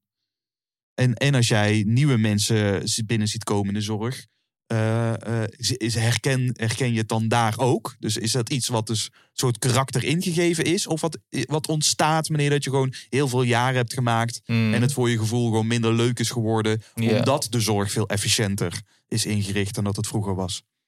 Ja, nou dat laatste vooral. Hè? Ik denk dat die mensen die al heel lang in de zorg werken heel veel veranderingen hebben meegemaakt. En daardoor misschien een beetje gelaten zijn van, van ja, ze doen toch wat ze willen. Ja. Dat zou kunnen. Ehm, maar niet allemaal hoor. Sommige, je hebt echt nog strijdende oude zorgverleners ertussen zitten hoor. Heel veel zelfs. Eh, maar niet genoeg. Nee. En ehm, bij jonge mensen merk je vaak ook die dan zeg maar net gediplomeerd zijn, vol energie ergens beginnen en dan in een team komen waar al 30 jaar lang op dezelfde manier werkt en zo, gug- zo, zo gug het hier nou eenmaal, al heel snel afgestompt worden en ook zo'n mentaliteit creëren. Ehm, en het is dan maar net wat je er zelf mee doet. Of je gaat dan daarmee aan de slag. Hè, je gaat daar weg, bijvoorbeeld. Of je gaat daar zelf voor verandering proberen te zorgen. Ehm, want anders ga je je werk daar niet volhouden, toch? Als je zeg maar wel zo bent van ik wil het vernieuwen en ik wil vooruit. En je, je wordt zo tegengehouden door het team waarin je werkt. Dus ehm, ja, dus dat, dat is vooral van, van kom voor jezelf op. Als leerling zijnde. Ehm, als leerling zijnde vooral. Maar als je daar net gediplomeerd bent ook. Gewoon voor alle zorgverleners. Kom voor jezelf op. En durf gewoon mensen aan te spreken in de organisatie waar je werkt. Ga gewoon naar de, de baas toe. Die mag je best mailen hoor. Ja. Ja, ik weet zeker dat de meeste bestuurders er ook al voor openstaan. Mhm. Ja. En, en dat, dat durven sommige zorgverleners niet. En dat is jammer. Dus En werk samen. jij geeft eh, eigenaarschap mee, de, de- misschien een beetje moed... Om, om, om dan ook een zegje te doen. Ja. te delen. Beetje ondernemerschap misschien wel. Dus ondernemerschap gewoon op je, binnen je bedrijf. Ja. Eh, binnen de functie en de, de, de kaders die je daarin hebt. Ehm, als, je, als je nu kijkt naar jouw ondernemerschap, wat, wat zijn eigenlijk die pilaren van, van jou? Dus, dus waar, waar ben je, eh, hè, want, want je doet veel verschillende dingen. Kun je, Mhm. kun je ons, wat, wat, hoe, wat zijn de projecten als het ware waar je nu tijd en energie in stopt? Of de rollen die je vervult? Ik weet niet hoe je dat verwoordt voor jezeldus Ja. Nou, 2021 is wel dus het jaar van eh, een, kanteling. Ja. Docent. Eh, dus dat betekent vier dagen in de week ben ik daarmee bezig. Zo. Ben ik drie dagen in de week geef ik les. Eén dag in de week ga ik dus naar school. Ehm, dat is wat ik doe. Dat is mijn focus ook waar het nu op ligt. En daarnaast ehm, heb ik nog één dag in de week, de, midweek, de midweek over. eh, waar ik mij dan vooral richt op tommyindezorg.nl. Ja. Een website waar verhalen op staan voor zorgverleners. Die geschreven zijn door zorgverleners. Maar ook te lezen zijn voor mensen die niet in de zorg werken. Die gewoon iets van de zorg willen weten. Die site gaan we ook uitbreiden met, met, met, met van alles. Misschien wel vacatures, weet ik veel allemaal. Maar het moet niet zo'n commercieel ding worden. Daarnaast hebben we zustershop.nl. Dat is eigenlijk de webshop waar je dus ook eh, de, de zorgartikelen kunt bestellen. ehm, die zorgverleners leuk vinden. In Amerika zie je dat heel erg. Eh, nurse, eh, een t-shirt of zo. Hier in Nederland amper. En ehm, die dingen kun je daar dus dan bestellen. Dat is dan zustershop. En En waarom ben jij daarmee begonnen? dat is eigenlijk voor de grappen. Ik had op Instagram een keer zo'n plaatje gemaakt met eh, ehm, een shirtje erop met, met de broeder. Weet je wel, ze noemen mij broeder als ik in zorg werk. Ja. En ehm, mijn inspiratie was eigenlijk baller. Ja. Dus ik dacht, broeder, had ik op Instagram gezet, gewoon gefotoshopt op mijn telefoon zo. En iedereen ging vragen waar ze dat konden kopen. dus, ik, dus ik dacht, ja, oké, moet ik iets mee doen. Een spreadshirt, weet je wel. Dan Ja. kun je die shirtjes on demand laten drukken. En die, die verkocht 140 shirts in, in een week of zo. ik denk, Dat je ook zelf Eh, denkt van, wat gebeurt hier, weet je ja, wel? ik dacht, ik oké. Ik dacht, ja. Maar ja, ik vond dat via spreadsheets mooi, dat kan. Maar ja, ik wil het toch persoonlijker doen. En zodoende ook met, eh, met Geert, mijn compagnon, ehm, die webshop opgezet met die shirts. Ehm, daar werken we nog steeds aan om gewoon goede kwaliteit shirts te krijgen. En met goed bedrukt en ook met namen erop binnenkort. En dan hebben we ook nou mokken en agenda's en weet ik veel wat allemaal. Met zuster of broeder erop of met je eigen naam. En ook artikelen die je nodig hebt voor tijdens je werk in de zorg. Ehm, gewoon ook, die, ook die, die artikelen vooral om uit te dragen van... joh, ik ben trots. Ja.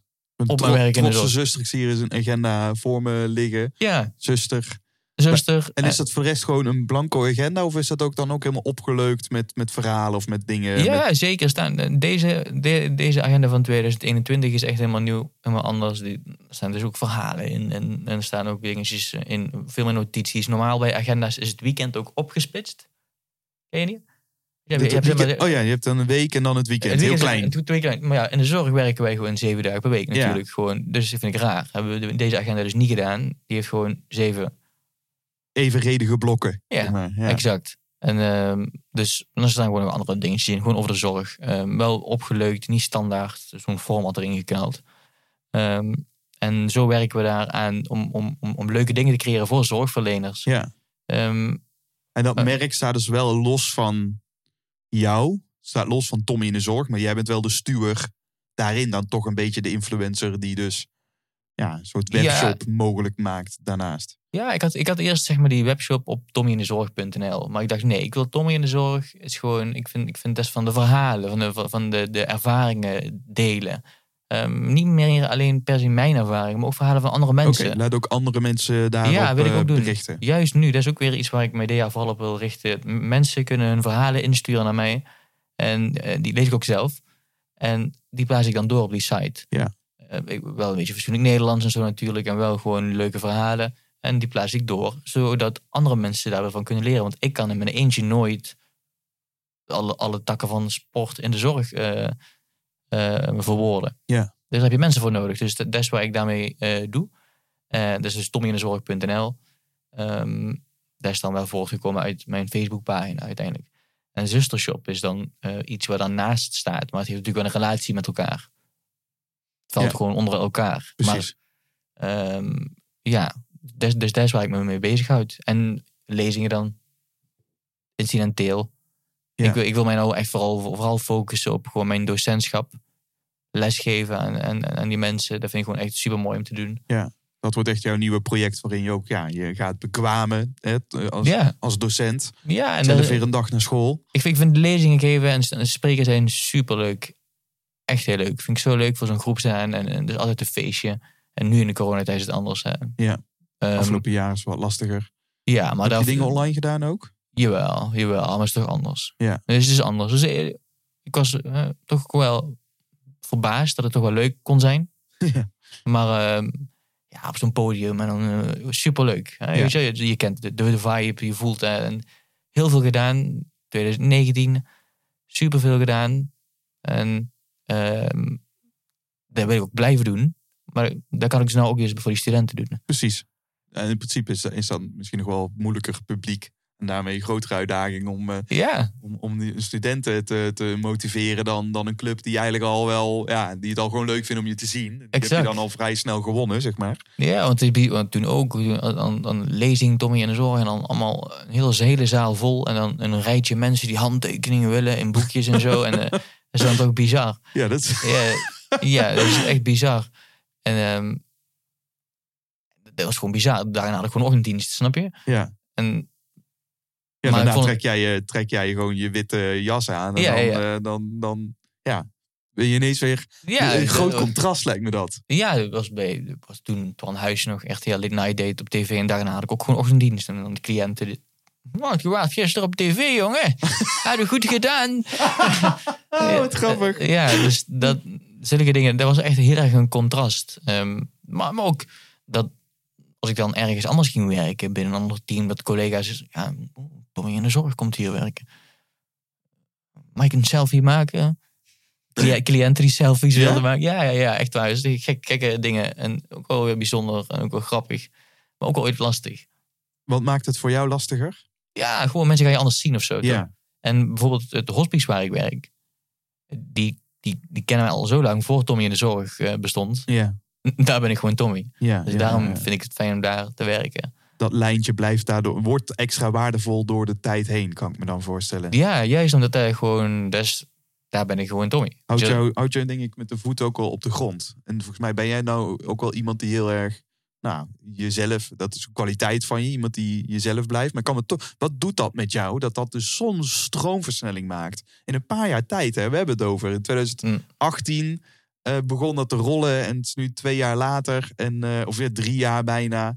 Eh, hoe, hoe, hoe verhoud jij je tot... hè, je hebt al Jan Geurts geïnterviewd, Dirk de Wachter. Hoe verhoud jij je tot je ego-manifestatie? Die het ook al stiekem helemaal te gek vindt. Die graag... Ja, zeker. Tuurlijk is het echt cool. Ik ben, laatst zat ik, weet je wel, soms zit ik ook mijn ego eh, een beetje te voeden. Ik denk van, zo, ben ik, ben ik nog geen dertig en dan heb ik, daar ik drie boeken uit. Drie, drie boeken gecreëerd. Ja. Zo, zo. Zo, Zo, zo.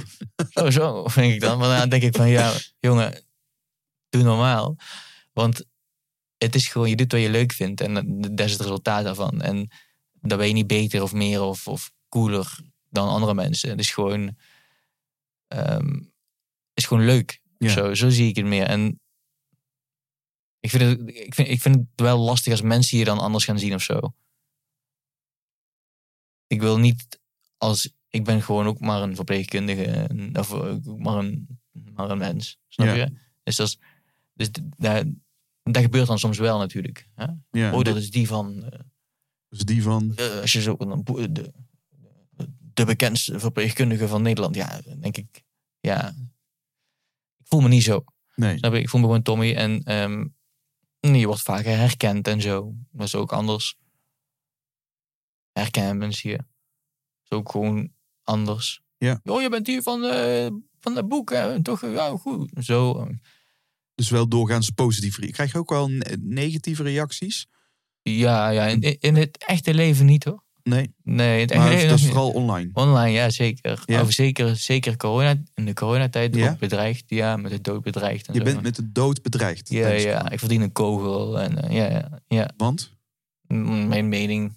Omdat ik op Twitter bijvoorbeeld, weet je wel, Twitter is sowieso wel een beetje het riool van Ja, is dat nog, want we- ehm, ja, ga door. Dan ben ik even benieuwd wat, je dan, wat er dan gebeurt.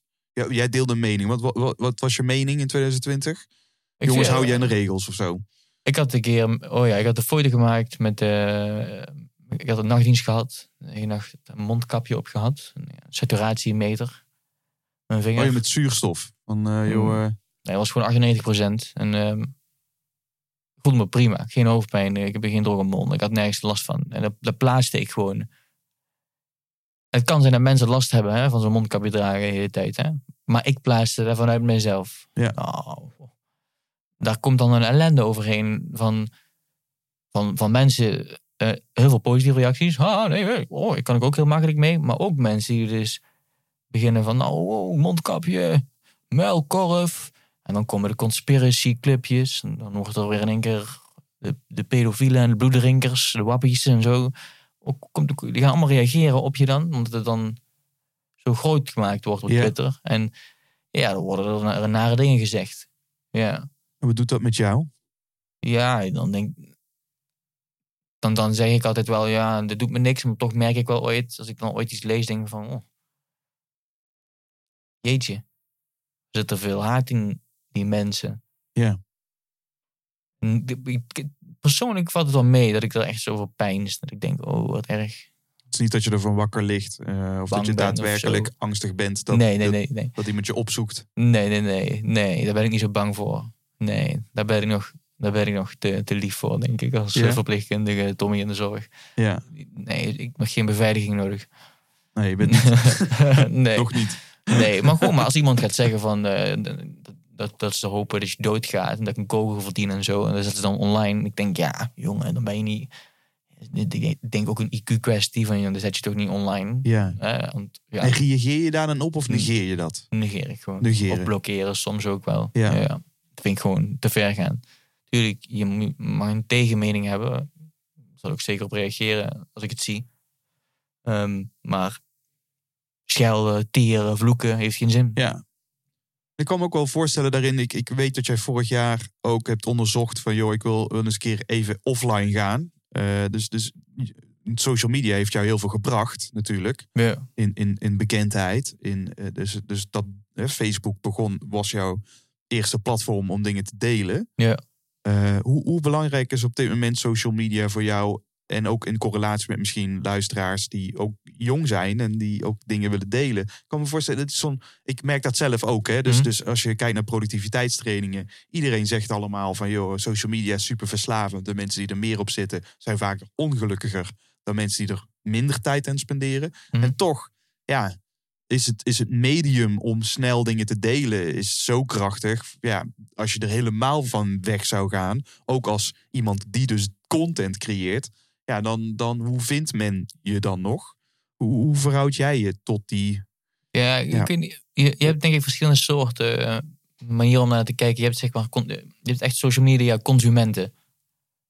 Dus, nou, en dan bedoel ik zeg maar jonge kinderen, een jaar of veertien, die net een eerste iPhone hebben of zo. Ik weet Ja. niet wanneer ze die krijgen Ja. van papa en mama. Eh, die dus alleen maar zitten te scrollen op Instagram. En zitten te swipen op, eh, op, op, op Tinder of zo, of weet ik veel. ja, dat kan. Ja, misschien 14, is te weet ik niet. Maar ik kan je in ieder geval wel vertellen dat kinderen op de basisschool gewoon allemaal al een smartphone hebben hoor. En dan, dan ben je Ja. nog geen tien. Eh, Nou, kijk, dus nu zitten dus allemaal gewoon. Nou, goed, waar, waar, waar TikTok tegenwoordig. ja, ja. dan ben je vooral aan het consumeren, toch? Dus Ja. in mijn geval, het is, het- ik, ik ben meer, nou, ik creëer content, zeg maar. En ik consumeer het ook wel een beetje natuurlijk, want ik heb ook gewoon een Facebookpagina waar ik doorheen scroll. Maar ik, ik, ik like bijna nooit iets of zo van Ja. Tante Annie of van, van ome Peter of zo. dat- Ja, sorry, maar Dat snap ik wel. Maar het voelt ook een beetje soort hypocriet dat je toch. Je hebt een hoop makers die, die delen dan op social media. Maar wij, de delers, die, die, die, die consumeren dan weer niks. Als we toch allemaal dan zouden delen, dan, dan Ja, zit toch allemaal een soort hoge, een soort holle huls te roepen van. Lees Mhm. dit. En dan zou niemand toch iets meer lezen. Nee, ik, cons- ik consumeer zelf zeker wel, maar ik, wel heel selectief, Ja. zeg maar. Ik zeg maar, ik, gewoon dingen die, die, ik, die ik bijvoorbeeld vakinhoudelijk eh, als verpleegkundige of eh, op andere gebieden die ik interessant vind, die volg ik. En daar lees ik dingen zeker van. Ehm, maar de, de mainstream media dingetjes, ja, die ga ik heel snel voorbij. Ja. Ja. Zeker in deze coronatijd gaat het alleen maar over corona. Ja, dan ga ik niet nog een keer een bericht lezen waar ik al eigenlijk al een beetje van weet. Weet je? Ik kijk gewoon naar één site waar ik een beetje in de gaten hou. Waar ik wel op vertrouw dat het goed zit. Welke site is dat? Mm, ik, ja, ik, ik, ik geloof NOS op zich wel goed. Ja, ik, vond- ik volg Diederik Gommers. Eh, zeg maar, dat vind ik ook belangrijk. Ja. ik denk dat hij ook dicht bij het vuur zit. Of, of Marion Koopmans of zo. Zulke mensen. Die, Ja. dus, daar, ik denk ik dat waar. En de rest probeer ik ook wel te veel nieuws te kijken of zo. Nee. Nee, dus dat is een- ook een beetje in de huidige tijdsgeest, kan ik me voorstellen. Dat wees selectief op de. Gewoon wees selectief waar je überhaupt je hoofd mee vol stopt. Ja, dit is, gewoon voor alle mensen, denk ik, die social media consumeren. Er is super mooie documentaire natuurlijk over gemaakt. De Social Dilemma. Ja. Heb, je, heb je gezien? Ja. Ja, nou, Ja. aanraden voor iedereen. Als je het hebt gezien, dan ben je echt in één keer een stuk bewuster daarmee bezig, denk ik. Ehm, want dat gebeurt letterlijk. Mensen worden echt in algoritmes gezogen waarin ze misschien niet eens willen zijn, maar wel in verzeild raken. Waardoor ze allerlei ideologieën krijgen en wereldbeelden die gewoon to- totaal niet, niet kloppen met de realiteit. En dat is jammer. Ja, want als je alleen maar zoekt op, als je, als je één keer zoekt op een gouden ring, dan beland je in de gouden ringen algoritme, waar je alleen maar gouden ringen ziet. En, snap je? Dus, Ja. raar voorbeeld misschien, maar die conspiracy theorieën, ja, is daar wel iets van. Ja. Ja, je, je hebt gekke theorieën. Ja, ik, ik, ik geloof oprecht niet dat, dat de minister bloed drinkt van kinderen, zeg maar. Ik geloof dat niet, sorry. Dat hij bij een of ander clubje zit, dat geloof ik niet, is mijn mening.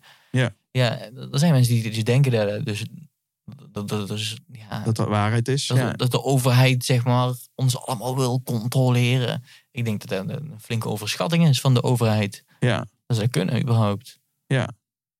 Maar ja, Ja, dat, is, dat is de rare wereld in polariteiten waar we nu leven. Hè? Nou, En de waarheid ligt natuurlijk altijd, de waarheid is altijd genuanceerd. Ja. En hoe meer kennis je hebt, hoe genuanceerder je wordt.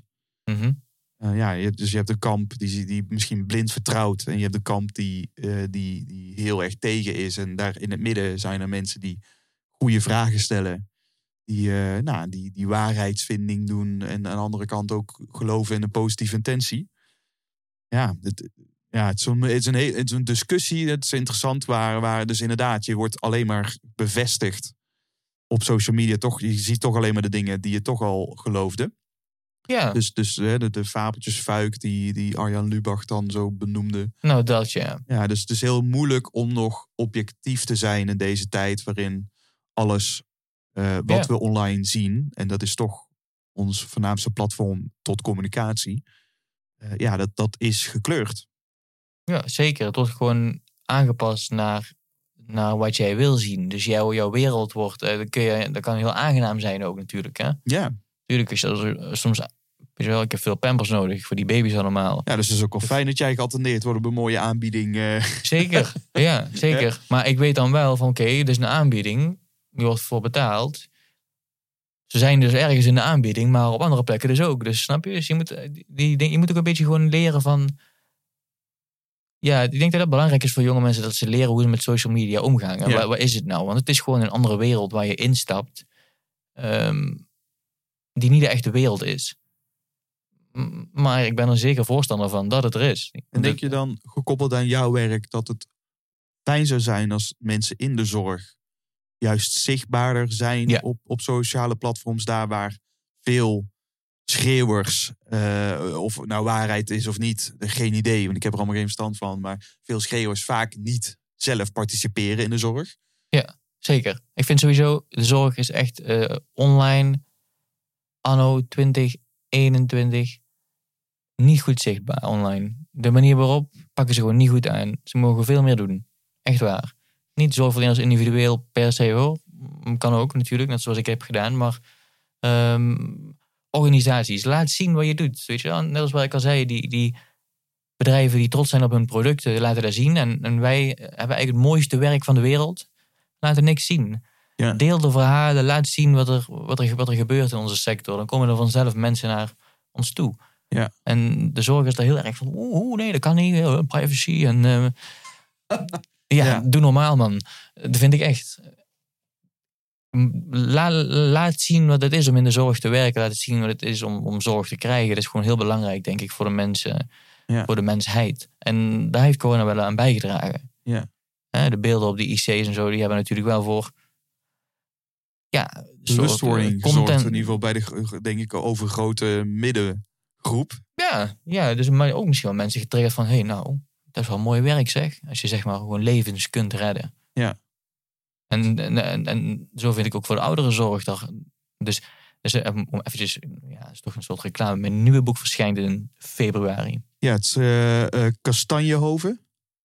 Je hebt het al opgeschreven gewoon. Ja. Oh, oké. Nee, dat mag je hebben sowieso. Wat, wat, wat, wat, wat- ik begrijp je even niet. Nee, mijn, in mijn nieuwe boek Castagno. Dat, begint, of dat komt volgend jaar ehm, uit. Ja. Wat wil ik nou weer mee, mee zeggen?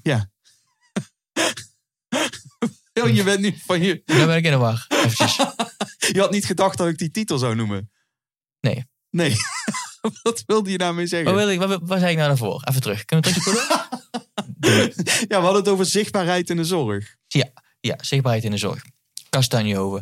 Eh dat is een boek, is zeg maar wel een beetje gebaseerd op mijn ervaringen, maar het is fictie. Het is gewoon een verhaal van een jongen die in de zorg gaat werken. Ja. Met vooroordelen en die gaat de zorg in en beleeft daar van alles. Die maakt gekke dingen mee en humoristische dingen. Zulke soort verhalen. Ik denk dat dat bijdraagt aan beeldvorming van mensen, van jonge mensen in de, eh, die in de zorg willen gaan werken. En daar zou ook beeldmateriaal van kunnen, gemaakt kunnen worden. Snap je wat ik bedoel? Ja. En we kennen natuurlijk series zoals Grey's Anatomy en, eh, en hoe heet die andere? Eh, op de IC of zo. Um, Het gaat vooral over ziekenhuizen, maar laat ook die ouderenzorg zien. Ja. En Castanjehoven is dus een boek waar vooral wel over ouderenzorg gaat. Een jongen die gaat in een verpleeghuis werken en die maakt daarvan alles mee. En eh, zowel een reis in de zorg, maar ook een reis van een jong mens in zichzelf. Ja. Ehm, Het is een soort tegen, tegenkant op die, hoe heette die, dat prachtige boek... Wat, waar wel een Nederlandse serie is gemaakt met André van Duin onder andere. Hendrik Eh, Groen. Ja, Nou, ik, ik, denk dat je, nou, ik denk dat je dus zeg maar eh Cas- eh, Castanjehoven, het boek, dat je, eh, eh, het, het is wel vergelijkbaar, alleen vanuit een heel ander oogpunt, Ja, gewoon, vanuit precies. een zorgverlener. ja. Ja, Hendrik Groen was vanuit de, de, ou- de ouderen, zou je kunnen zeggen. Ja. Ook fictie, maar gebaseerd op waar, waar Ja. gebeurde anekdotes. ja, Ja, dus ik, ik, gun, ik gun jullie wel dat... eh, Want je hebt het samen met Loes Woutersson eh, gemaakt, toch? yes. Ja, die kent Yes. dan weer uit de trainingsacteerwereld. Loes is echt geweldig, hoe, ja, hoe ze schrijft.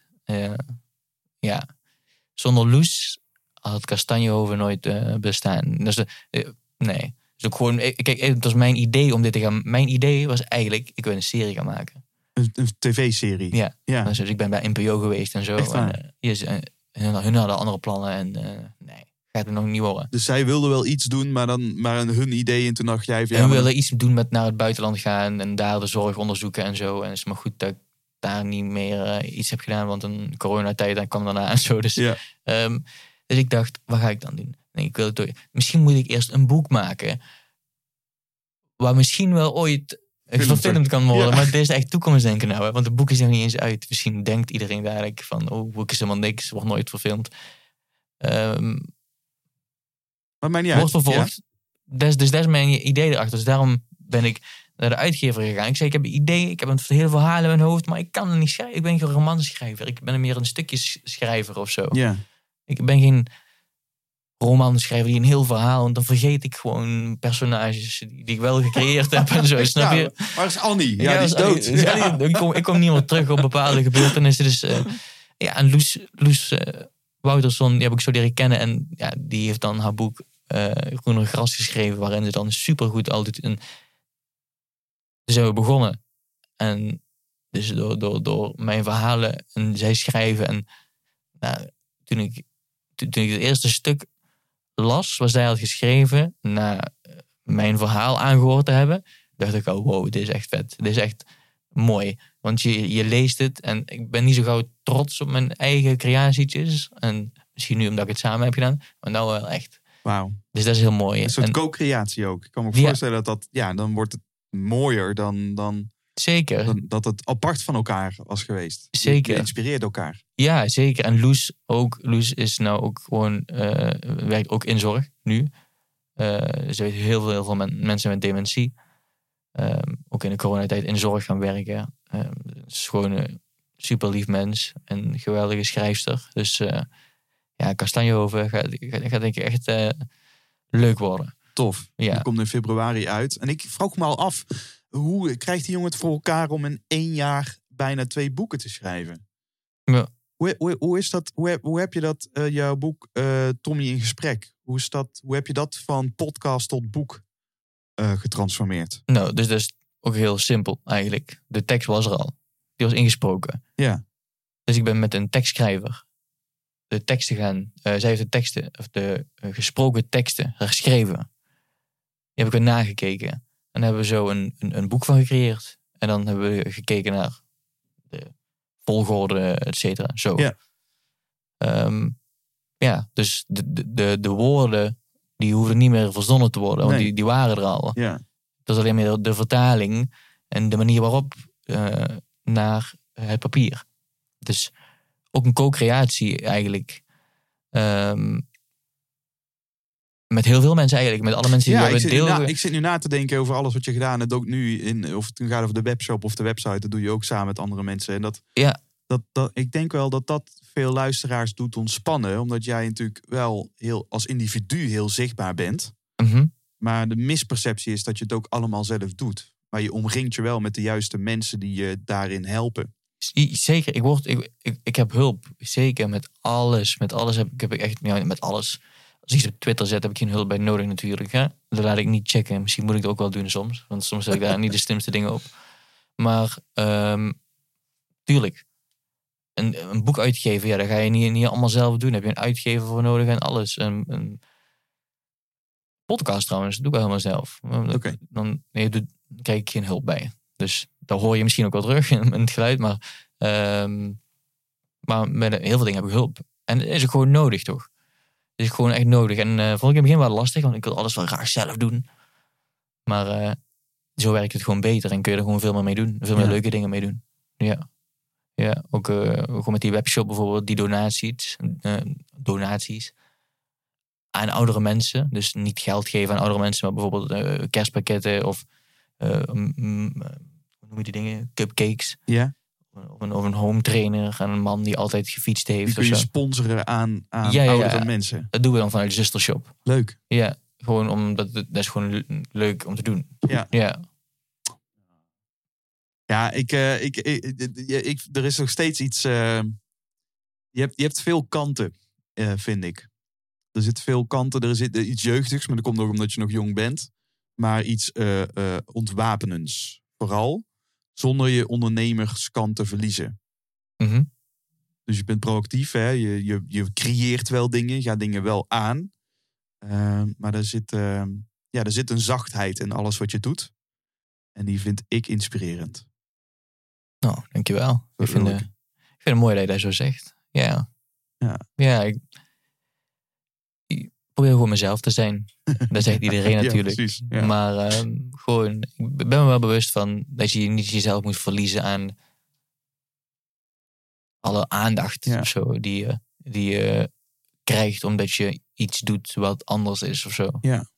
Dat kan natuurlijk ook dat je daardoor jezelf een beetje verliest. Dat je denkt van, oeh, ik ben nou een boekenschrijver of ik ben nu een podcastmaker. Ja. Nee, je, moet gewoon jezelf blijven daarin. Je bent Tommy. En dat doe je. Ja, Dat is wat je doet. Ja. ja. Kijk, en als, als, alsof, alsof de, de, de GoPro het aanvoelt, begint, begint te piepen. Betekent dat Wij, wij, wij gaan naar, eh, naar de afronding. Want mijn beeld is nou gewoon uit. Ja, jouw beeld is uit, dus ik hoop dat die nog aan staat. Ja, die staat nog aan. Ja, hallo Ja. daar, kijkers. Ja, sorry. Ik pra we praten te veel. Ja. Hey, Ja. Wat, eh, misschien, we hebben het een heel gesprek gehad over heel veel inspirerende dingen, vind ik. Eh, ni- Niet per se over spreken. Nee. Eh, excuus, luisteraar. Eh, eh, als je daarvoor kwam. Eh, Maar als je dit nog steeds luistert, betekent dat dat je het interessant vond. Want je luistert nog steeds. Als uitsmijter, voordat we naar de onspot-vragen gaan. Wat, wat is iets waar jij in 2019 ben je begonnen als spreken? Mhm. Eh, wat, wat, wat zijn een paar tips die jou heel erg hebben geholpen eh, in, in het ontwikkelen van jouw lezing? Als uitsmijter heb je, wat zijn een paar best practices die ja, die- verhalen delen gewoon. Dat was echt... ik had eerst in het begin heel erg van... Oh, ik moet een format hebben. En ik moet ge- gestructureerd zijn. En ehm, dan dit, dan dat, dan zus. Mijn ervaring is gewoon... Als je genoeg verhalen in je hebt... eh, voor een stukje waar ik inspreek. Dan komen die vanzelf eruit. En als je dan die interactie ook nog aangaat... Dan ontstaan... Dan word je getriggerd door het publiek om een verhaal te gaan vertellen. En, en natuurlijk zijn er onderwerpen die je bespreekt in een lezing en spits je verhalen daarop toe. Eh, of gebruik je juist die anekdotes om, om die, deze onderwerpen ehm, te belichten. Ehm, maar vooral het verhalen vertellen. Dus niet het informatie over willen brengen stuk. Ik, ja, ik ben meer een spreker die een gevoel over wil brengen met een verhaal. Mhm. En niet zozeer een spreker die zeg maar, informatie overbrengt. Ik denk dat je, ik weet niet of je niet veel van mij kan leren. Misschien gevoelsmatig. Dat wordt misschien jouw uitdaging nu als je dadelijk daadwerkelijk voor de klas staat. Exact, ja. Dan heb je daadwerkelijk heel veel kennis die je wel erin moet zien te krijgen. Ja, Waarbij verhalen misschien een goede vorm is om dat te doen. ja, ik denk, ja, precies. Inderdaad. Ik denk dat mensen zeker wel dingen hebben geleerd bij die lezingen. Door die verhalen. Ik denk, dat is denk ik wel mijn grootste tip. Door het vertellen van verhalen kun je gewoon mensen eh, inspireren, motiveren en dingen aanleren. Enthousiasmeren. Gewoon, je kunt daar mensen mee triggeren om gewoon een, een, een betere versie van zichzelf te worden. Ja. Ja, Mooi. Tommy, tijd voor de onspot-vragen. Onderspot vragen. Ja, ja ik, ik ken ze een beetje. Ja, ja, ja. Ready? Moet ik nou ergens gaan staan? Nee. Nee, nee, hoeft niet. Wat is een boek wat je enorm heeft geïnspireerd? Of, eh, en en wat, wat je de luisteraar ook eh, zou willen aanraden? Die ene patiënt. Van? De schrijfster. Oh, ik ken haar naam. Ellen de Visser. Die ene patiënt van Ellen Visser. Ellen de Visser, die ene patiënt. Prachtig boek. Gaat ja, echt mooi. Mooi. Staat genoteerd. Wat is een mythe over de zorg waar we echt vanaf moeten? Ja, die zijn echt veel. Maar ehm, vooral. ehm, ga vooral een keer kijken in de zorg en ervaren hoe het is om in de zorg te werken. Want de zorg is natuurlijk heel breed. Ja. Ehm gehandicaptenzorg, eh, GGZ, weet ik veel, welke settings er allemaal zijn. Oordeel niet te snel. Hm. En er is zoveel in de zorg. Ehm, dus die mythe, bijvoorbeeld die billen wassen mythe. Ja, je moet zeker ooit billen wassen, bijvoorbeeld als je in een bejaardenhuis werkt. Ja. Maar ja, voor wie is dat het ergste? Voor jou of voor degene van wie de bidden gewassen moeten worden. Mooi. Mooie, mooie reframe. Was een uithang, of eh, eh, Tommy, je mag een uithangbord plaatsen waar eh, miljoenen mensen langskomen. Wat zou jij op dat uithangbord plaatsen? Zo. Oh, is een goeie. Ehm miljoenen. ah, ah, dit is een moeilijke vraag hoor. Ehm ja, kan ik heel zo. Houdoe of zo opzetten. Maar. of gewoon. Ja, ik kom allemaal van die, van die, van die, van die quotes komen dan in mij Ja, op. Of dus zo, een, quote waar je, misschien een mantra waar je zelf trouw aan blijft. Ja, oordeel niet.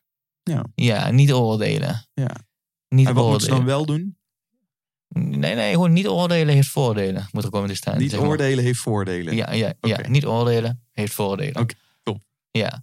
Was, ik zeg niet wat ze wel moeten doen. Ze moeten gewoon niet oordelen. Oké, En oh, dat bedoel ik met van, nee, gewoon niet oordelen over alles wat je ziet. Want dat doen wij mensen nogal graag. Ja. Zeker in deze tijd. als eh, angst geen rol meer zou spelen in jouw leven, Tommy, wat voor keuze zou je dan maken? Zo. Ook een heftige. Of een keuze zou ik dan maken.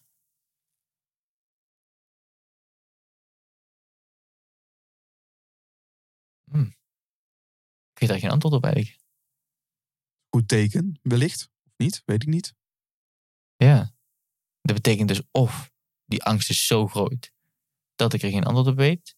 Of Dat je alles hebt al hebt gedaan. ja, tot nu toe. Hè? Hm. Gebrek aan zelfkennis.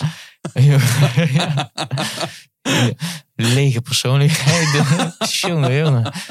Ehm, nee, ik weet niet. Ik, is ook wel een. Als ik geen angst, waar ben ik? Ik, ik durf de bungee jumpen. Zou ik, dus, Heb je nog nooit gedaan? ik, ik, zou er wel, ik, zou- ik, zou wel, ik vind het eng. Ja, Ik zou wel durven. oké. Ben Ja. je al eens een keer uit het vliegtuig gesprongen? Nee, durf ik wel. Ja. Nee, nee. Ja. Ik- nee, ik, ik, waar, waar zou ik echt eng vinden? Gewoon, Nou, misschien, n- het is niet dat je het per se eng hoeft te zijn, maar, maar ik kan me voorstellen, die, die tv-serie, misschien dat toch, dat je dacht, we gaan maar eerst een boek schrijven, dat is veilig. Maar ik hoor dat er ergens een stille behoefte, ambitie is, ja, ja, ja. dat er uiteindelijk wel nog een tv-serie eh, gaat komen. Ja, zeker. Oh, zeker. Dat, ja, oh, dan, nou, als, als, als, als ik daar ook mee mag rekenen, dan zou ik die serie gaan maken. Eh, maar dan moet ik ook geld hebben, zeg maar. Ja. Maar dat, dat, al, al het geld is er ook dan, hè? Bij wijze van spreken, ja. Oké, ja. Nou, die serie over de ouderenzorg. Ja. Ehm, mm, ja, die Mooi. zou ik dan gaan maken. Ja. Wie is voor jou persoonlijk een idool of inspiratiebron? Zo. Ik heb, ik heb er wel meer. Ik heb er wel meer. En, en, en ze, ze wisselen ook in tijden, zeg maar. Ehm ja, dat is vind ik moeilijker, weet je wel. Want dan ga, dan ga ik er één zeggen. Ehm Nee, dus je kiest gewoon één van de vele. Iets wat nu, wat nu relevant is. wat nu relevant is. Ik luister nou bijvoorbeeld heel veel Eminem weer. Al. Dat doe ik al vanaf dat ik negen ben. Eh, ik weet niet, soms luister ik heel vaak Eminem. Ik vind Eminem de beste rapper die er is. Ja. Ehm, dus eh, bijvoorbeeld Eminem is een idool, maar is niet echt vakgerelateerd Nee, zo. maakt het niet uit. Want Nee. dat brengt ons wel mooi op de volgende vraag. En dat is namelijk de muziekvraag. Mhm. Is er een muziekanthem wat jij graag luistert voor of na het spreken? Of dan in ieder geval een muzieknummer wat jij toevoegt aan de over spreken gesproken jukebox? Ja, ik- die zullen er misschien al in staan, maar dat is Hello Hello? van Martin Solveig. ja? Hello, come to say hello. Ja, Die? ja, exact die. Oké, Ja. want? Kun je, dat, kun je die nou draaien of zo? Nee, nee, nee, nee. Ja, ik, kan, ik kan hem niet draaien nu, maar... Je niet- Dan kun je het aanzetten of zo, of niet? Maar, Ja, dan gaat Spotify zeggen, eh, een Nee, eh, nee. rechten betalen. Ik oh, heb- is dat zo? ja, ik heb het ook Oh, even, oh, ik, ik mag doen. geen officiële liedjes in de, in de nee, maar podcast iedereen weet wel dat liedje. Weet je, Ja. van, hello. Ja, ik denk en, dat- eh, Ik vind het echt een verschrikkelijk irritant lied. Dus wa- wat maakt dat die voor jou ja, erin moet? Omdat, omdat dat zoiets is zo van, dat geeft mij een beetje energie. Voor, van, hallo, hier ben ik.